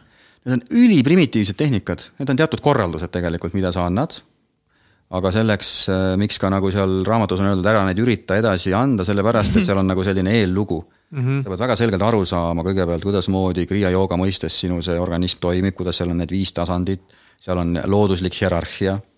sa pead väga selgelt eristama emotsioone mõtetest, sellepärast et kui sa annad mõtetele neid korraldusi, mis on mõeldud emotsioonidele, siis emotsioonid nagu ei lähe ära ja siis sa avastad, et see ei tööta. Ja kui sa annad emotsioonidele neid korraldusi, mida sa peaks nagu kontseptsioonidele, uskumustele andma, siis ka seal nad ei tööta, nii et, et seda süsteemi on vaja kõigepealt nagu mõista ja siis need hakkavad reaalselt tööle ja seda ma saan oma kogemusest äh, öelda. see on siis äh, lugeda seda Ingvar Villide raamatut? jah, ma kindlasti soovitan seda Emo. emotsioonid kui ühiskonna suurim. seal on ka palju videoid Youtube'is, et sealt vaadata. ja oluline on siin nagu meeles pidada, et me ei vabasta mitte emotsioone, et sa a la näiteks sul on uhkus ja siis uhkus on läinud ja teame, sa ei saa uhke olla. või sa tunned rõõmu ja rõõm on läinud vaid tegelikult need tehnikad vabastavad kuskilt minevikust teatud sündmustega seotud emotsionaalseid reaktsioone. Näiteks sa viieaastasena said mingisuguse traumakogemuse ja su alateadvus salvestas ära, et näiteks oli valus kogemus ja nüüd iga kord, kui meie alateadvus arvab, et ta on sarnases kogemuses, siis seesama emotsioon aktiveerub. sa oled neljakümne viiene, mitte enam viiene, aga su alateadvus arvab, et a la, et selle inimese käitumine oli sama, mida näiteks sinu ema tegi, kui see oli viieaastane ja ta ei suuda vahet teha, et tegelikult nelikümmend aastat on möödas, see ei ole see olukord, vaid ta aktiveerib sellesama emotsiooni, mis viieaastasena sinna ära salvestati. Ja nüüd need tehnikad võimaldavad sellest sündmusest selle lahti linkida, lahti ühendada. nii et järgmine kord alateadvus, kui sa satud sellisesse olukorda, ta enam ei aktiveeri seda energiat sealt, aga see emotsioon on absoluutselt alles ja igas tuhandes muus olukorras ta on ikkagi kasutusel, nii et öeldakse, et inimesel on umbes sada viiskümmend erinevat emotsiooni ja need emotsioonid mitte kuhugi ei kao, et need tehnoloogiad vabastavad neid traumeerivaid seoseid, et see oli ka mulle endale algul jäi segaseks, sest et see on nagu suurim hirm, mida öeldakse, oo, aga siis ma muutun emotsioonituks. absoluutselt mitte, sa lihtsalt vabaned mingitest kinni jäänud kannatustest, kus need emotsioonid aktiveeruvad automaatselt. noh, me kõik teame olukordi, kus avastad, täiskasvanud inimene ootamatult hakkab käituma nagu tita nagu mm. -hmm nagu ma ei tea, väike poiss või väike tüdruk ajab mingit lolli juttu nagu vaatad, mis sul juhtus nagu suur mees. ta ise ka ei saa aru, sellepärast et see ongi see kogemus, see traumakogemus, vaata Alar on hästi palju seda traumapsühholoogiat õppinud ja ta rääkis sellest väga-väga äh, hästi. aga nüüd neid traumeerivaid emotsionaalseid reaktsioone on võimalik sealt nagu lahti ühendada ja täiesti omast kogemusest, et see on niimoodi, et, et kui sa praegu mõtled mingi traumeeriva kogemuse peale, siis avastad, kuidasmoodi su kehas kohe mingi emotsioon aktiveerub. see on täiesti lihtsasti testitav ja nüüd, kui sa teed neid tehnikaid, harjutusi, siis järgmine ühel hetkel, kui sa selle sama asja peale mõtled, siis see pilt jookseb, video on jätkuvalt olemas, aga seda reaktsiooni siin enam ei ole. nii lihtne see ongi ja see ei tähenda seda, et järgmises olukorras, kus ta on taaskord niimoodi aktiveerunud ja sinna salvestunud, et ta seal ei ole, võtad järgmise pildi, järgmise meenutuse, seal ta ikka on olemas, sealt sa vabastad ta uuesti ära. ja nüüd, kui sa uuesti selle asja peale mõtled, siis ta enam ei aktiveeru. aga võib-olla kaks nädalat hiljem oli emaga sama olukord ja mõtled selle peale, ikka aktiveerub ja siis sa sealt vabastad ära ja see ongi protsess ja ma olen selle teinud eelmise aasta aprillist. ütleme nii, et sellise suurema lainetuse, kus olid muidu emotsionaalselt niimoodi käisid üles-alla, umbes kolme-nelja kuuga said sellise suurema lainetuse maha. Ja nüüd äh, kuskilt niimoodi, ma ütleks oktoobrist saati on ikkagi selliste väiksemate nagu kõikumistega töö olnud ja väga-väga rahulik on. ei ärritu väga palju ei reageeri mingite tühiste asjade peale, ükskõik, kas need on siis päris sündmused või mingisugused mõttelised sündmused. selline nagu üsna stabiilselt lähed, aga see ei tähenda seda, et sa kuidagi ebainimlikuks oleks muutunud absoluutselt. see on ülivõimas tehnoloogia. väga soovitan. aitäh seda jagamast. on sul veel, ma läheks ühte teise teemasse korraks lõpus siin. mine või on sul veel mm -mm. jätkuküsimust, mis see kell üldse on? vaikselt hakkame kokku tõmbama. okei okay,, jah, väga hea. kuna meil siin käimas on ikkagist meil siin suhete ja armastuse kuud, kuna meil see teadliku armastuse paradiisi festival on okay. tulemas, mul tuli siin juba üks, pärast siin räägin, Kaidole tuli üks mõte siin vahepeal. aga ma küsiks sinu, Kaido, et mida tähendab sinu jaoks teadlik suhe? Teadlik suhe minu ja minu abikaasa jaoks tähendabki seda, et meid selles suhtes ei juhi mitte emotsioonid ja nii-öelda kontseptsioonid, vaid meid juhib teadlikkus. Tähendabki seda, et meil kõigil on need lapsepõlvehaavad ja ühes sellises süvarännakus ma sain väga huvitava mõtte, et see, mida me räägime nagu selliseks tohutuks kirglikuks romantiliseks suhteks, et tegelikult me otsime oma vastaspoole vanema armastust ja me püüame leida siis oma vastaspoole vanema võimalikult sarnast inimest ja kui me ta leiame, siis me justkui nii-öelda jutumärkides armume temas ja me lõpuks tunneme, et nüüd on keegi, kes meid armastab. noh, selline huvitav mõte tekkis. Yeah ja nüüd äh, meil kõigil on omad traumad lapsepõlvest ja nüüd kaks inimest saavad kokku, tegelikult võõrad inimesed oma traumadega. Ja paratamatult algul, paar võib-olla esimest aastat, suudetakse ennast nii-öelda ohjata ohjata. ohjata, sa nagu annad andeks inimesele, sa ei märka mingeid asju, aga mingil hetkel see kuskil muutub raskemaks ja sa hakkad tundma, et tähtsad ei ole ainult tema vajadused, vaid ka minu vajadused. ja nüüd, kui on nagu ebateadlikkust palju suhtes siis tegelikult olukordades, kus need emotsioonid võtavad üle, siis on raske näiteks dialoogi pidada.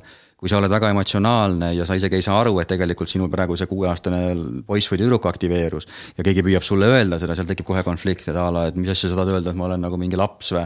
ehk siis ei ole selle teadvustamist, ei saada aru, mida nagu teine osapool püüab öelda, veel vähem suudetakse enda sisse vaadata, leida üles äh, tunne, mis aktiveerus sul võib-olla seal kuueaastasena. ja seal tekivadki konfliktid ja väga palju sellist lahkuminekut ja nüüd teadlikkus tähendabki seda, et me suudame eelkõige enda sisemaailmas toimuvate asjade eest vastutuse võtta ja suudame ka selliseid teadlikke dialoog maha pidada ja üksteisele niimoodi tagasisidet anda. noh, meil Katleeniga on näiteks selline kokkulepe, et kui me mõnikord äh, catch ime, et siis äh, meil on selline parool nagu tule teadvale. kui te mida teete? Catch ime, catch ime. nagu mingi konflikt. mingi konflikt. aa, okei, okei, nii davai. et tule teadvale ja meil on selline kokkulepe, et kui üks teisele sellise korralduse annab, et siis on selline väike kokkulepe, et. et see on see hetk, kus sa nagu jää vait ja mine tegele oma sisemaailmaga piltlikult öeldes okay.. Et, et teine on natukene hetkel teadlikum ja ta saab aru, et sind ei juhi praegu mitte teadlikkus, et sa paned nagu hullu natukene, et sa oled kuidagi nagu üle tõmmatud emotsioonidest ja kontseptsioonidest. Ja siis sa võtadki ja me lähmegi, üks läheb niimoodi üles korrusele, teine alla ja vaatame natuke enda seedime, vaatame, et okei okay,, mis juhtus, mida ma tegelikult tundsin. ja siis me saame kokku ja avastame, et äh, tegelikult ei olegi põhjust nagu tülitseda ja ma ütleks, et see on nagu selline üsna teadlik ja. Äh, lähenemine ja see ei tähenda seda, et me alati nõus oleme, et me sama, et me jõuame kokkuleppele, aga vähemalt äh, teineteisele haiget tegemine jääb ära ja jõuame nagu kuidagi intelligentsemalt nagu mingite tõdemusteni ja lahendusteni ja ma arvan, et samamoodi on teadlik äh, lapsevanemaks olemine, ehk siis lapsevanemad ju elavad läbi ikkagi oma laste peal paljuski oma nagu mingit küll allasurutud emotsioone, küll ära jäänud realiseerimata unistusi.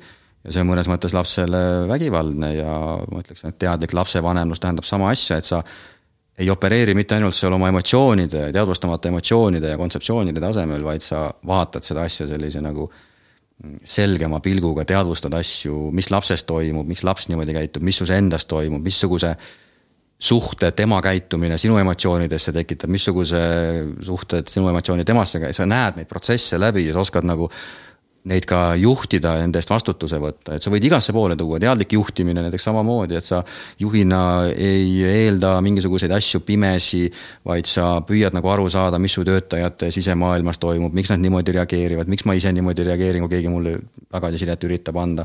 ehk siis igasse eluvaldkonda võib panna selle teadlikkuse ette ja see alati tähendab lõpuks sama asja, et sa kasutad rohkem seda teadvustamise võimet, mitte seda automatismi, mis tuleb sealt mentaalselt ja emotsionaalselt äh, tasemelt et ma olen enda jaoks selle niimoodi lahti mõtestanud. väga ilus, I love it uh. noh, Kaido kaks punkt null oh, aitäh sulle, Kaido, täiega lihtsalt nii tänulik, et sa jälle siia tulid, oma aega meile nii palju andsid ja niimoodi jagasid ja, neid mõtteid, et. nii tore uh..